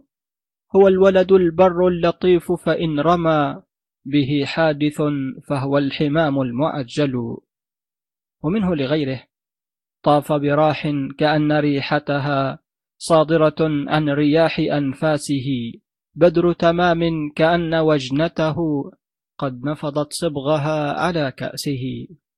ومنه وشمس راح يدبرها قمر شاهده فتنة وغائبه. أقبل في كفه مشعشعة عاؤبها كاذب وعاؤبه تحت ظلام كأنما نفضت عليه إصباغها ذوائبه ومنه وليل حكى فرع الحبيب وصده نفى النوم عني فيه طيف خياله إلى أن بدا ضوء الصباح كأنما تجلى لنا عن صده بوصاله. باب التطريف. اعلم أن التطريف هو أن تكون الكلمة مجالسة لما قبلها ولما بعدها أو مطابقة أو متعلقة بها بسبب من الأسباب مثل قول أبي تمام السيف أصدق إنباء من الكتب في حده الحد بين الجد واللعب. باب المخالفة. اعلم أن المخالفة هو الخروج عن مذهب الشعراء في أشعارهم وترك الاختفاء لآثارهم مثل قول نصيب. طرفتك صائدة القلوب وليس ذا وقت الزيارة فارجعي بسلام وليس من المعهود رد المحبوب على عقبه إذا زار محبه. ومثل قول ابن قيس تجعل الند والألوة والمسك صلاء لها على الكانون. ومعلوم أن الزنج لو تطيبوا ببعض هذا الطيب لطابت رائحتهم. لعل انحدار الدمع يعقب راحة من الدمع أو يشفي نحبي البلابل. هذا ضد ما يستحسن من قول القائل فيا حبها زدني جوا كل ليلة ويا سلوة الأيام موعدك الحشر. وكما قال عبد الصمد لا أتاح الله لي فرجا يوم أدعو منك بالفرج. وقول أبي نواس لا فرج الله عني إن مددت يدي إليه أسأله من حبك الفرج. وأحسن وألطف قول المتنبي لو قلت للدني في الكئيب فديته مما به لأغرته بفدائه. ومن ذلك قول عبد الله ابن قيس الرقيات يأتلق التاج فوق مفرقه على جبين كأنه الذهب. لأن العرب تمدح بجهامة الصورة وترك التنعم وهذا ضد ذلك. وقد ذكروا عن الممدوح أنه عاب عليه هذا الشعر وقال ألا قلت في كما قلت في مصعب بن الزبير له راحة لو أن معشار عشرها على البر كان البر أندى من البحر. ومن ذلك قول سحيم رآهن ربي مثل ما قد وريتني وأحمى على أكبادهن المكاوية لأن المحب لا يدعو على حبيبه. ومنه قول كثير ألا ليتنا يا عز من غير ريبة بعيران نرعى في الخلاء ونعرب. يطردنا الرعيان عن كل تلعة فلا عيشنا يصفو ولا الموت يقرب.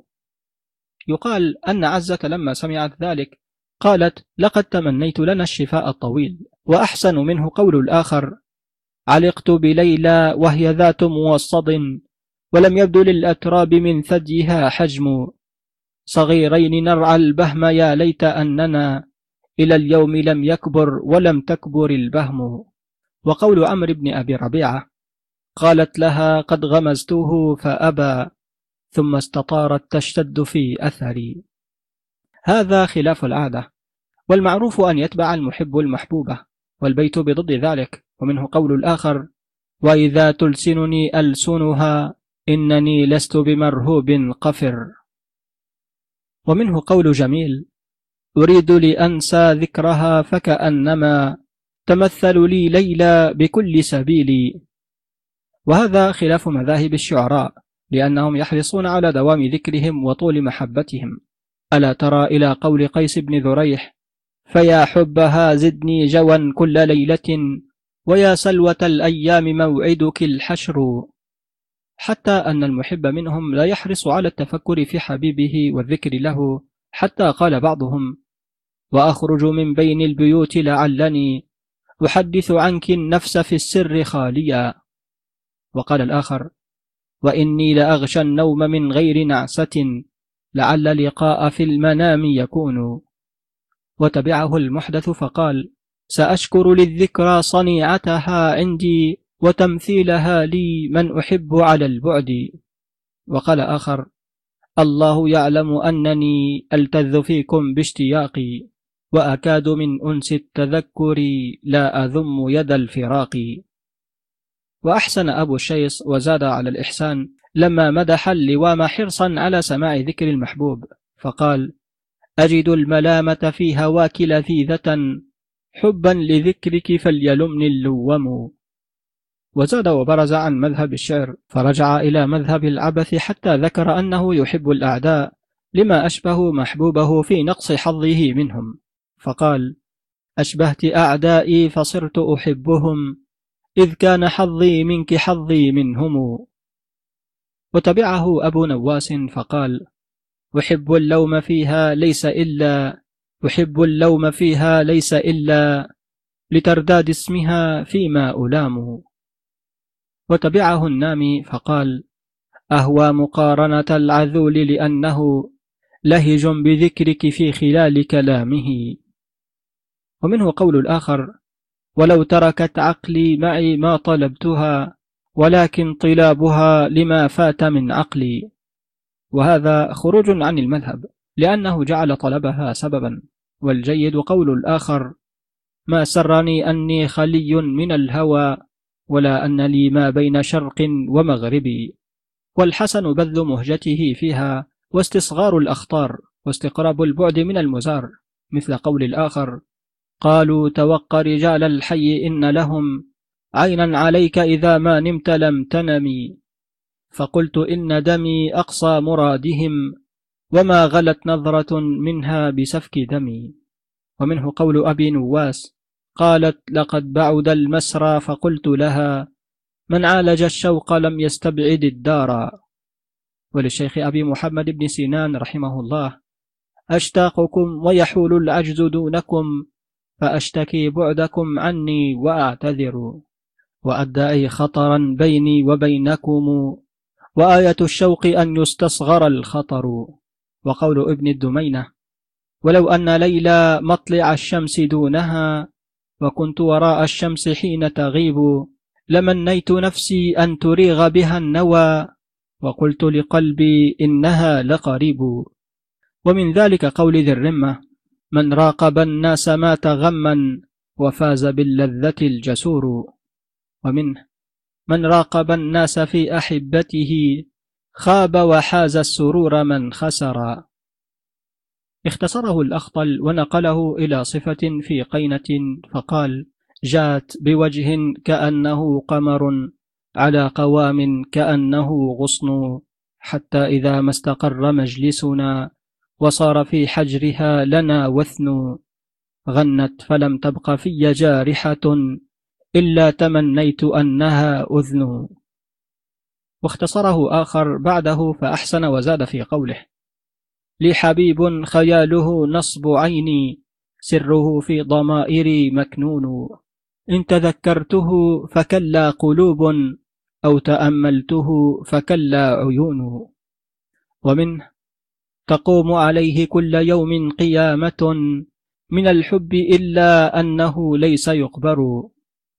أخذه سلم الخاسر فقال أليس هذا عجيب؟ أموت يوما وأنشر وهو مثل قول مسلم بن الوليد أقبلن في رأد الضحاء بنا يسترن وجه الشمس بالشمس. أخذه الثاني فقال وإذا الغزالة في السماء تعرضت وبدا النهار لوقته يترحل أبدت لوجه الشمس وجها مثله. تلقى السماء بمثل ما تستقبل. تمت قراءة كتاب العصا لمؤلفه أبي المظفر أسامة بن مرشد بن علي بن مقلد بن نصر بن منقذ الكناني الكلبي الشيزري الملقب بمؤيد الدولة ومجد الدين أمير وفارس من بني منقذ وشاعر أديب ومؤرخ مسلم. قرأه عليكم عبد الباري الطشاني. عزيزي متابع قناة كتب وروايات عبد الباري الطشاني.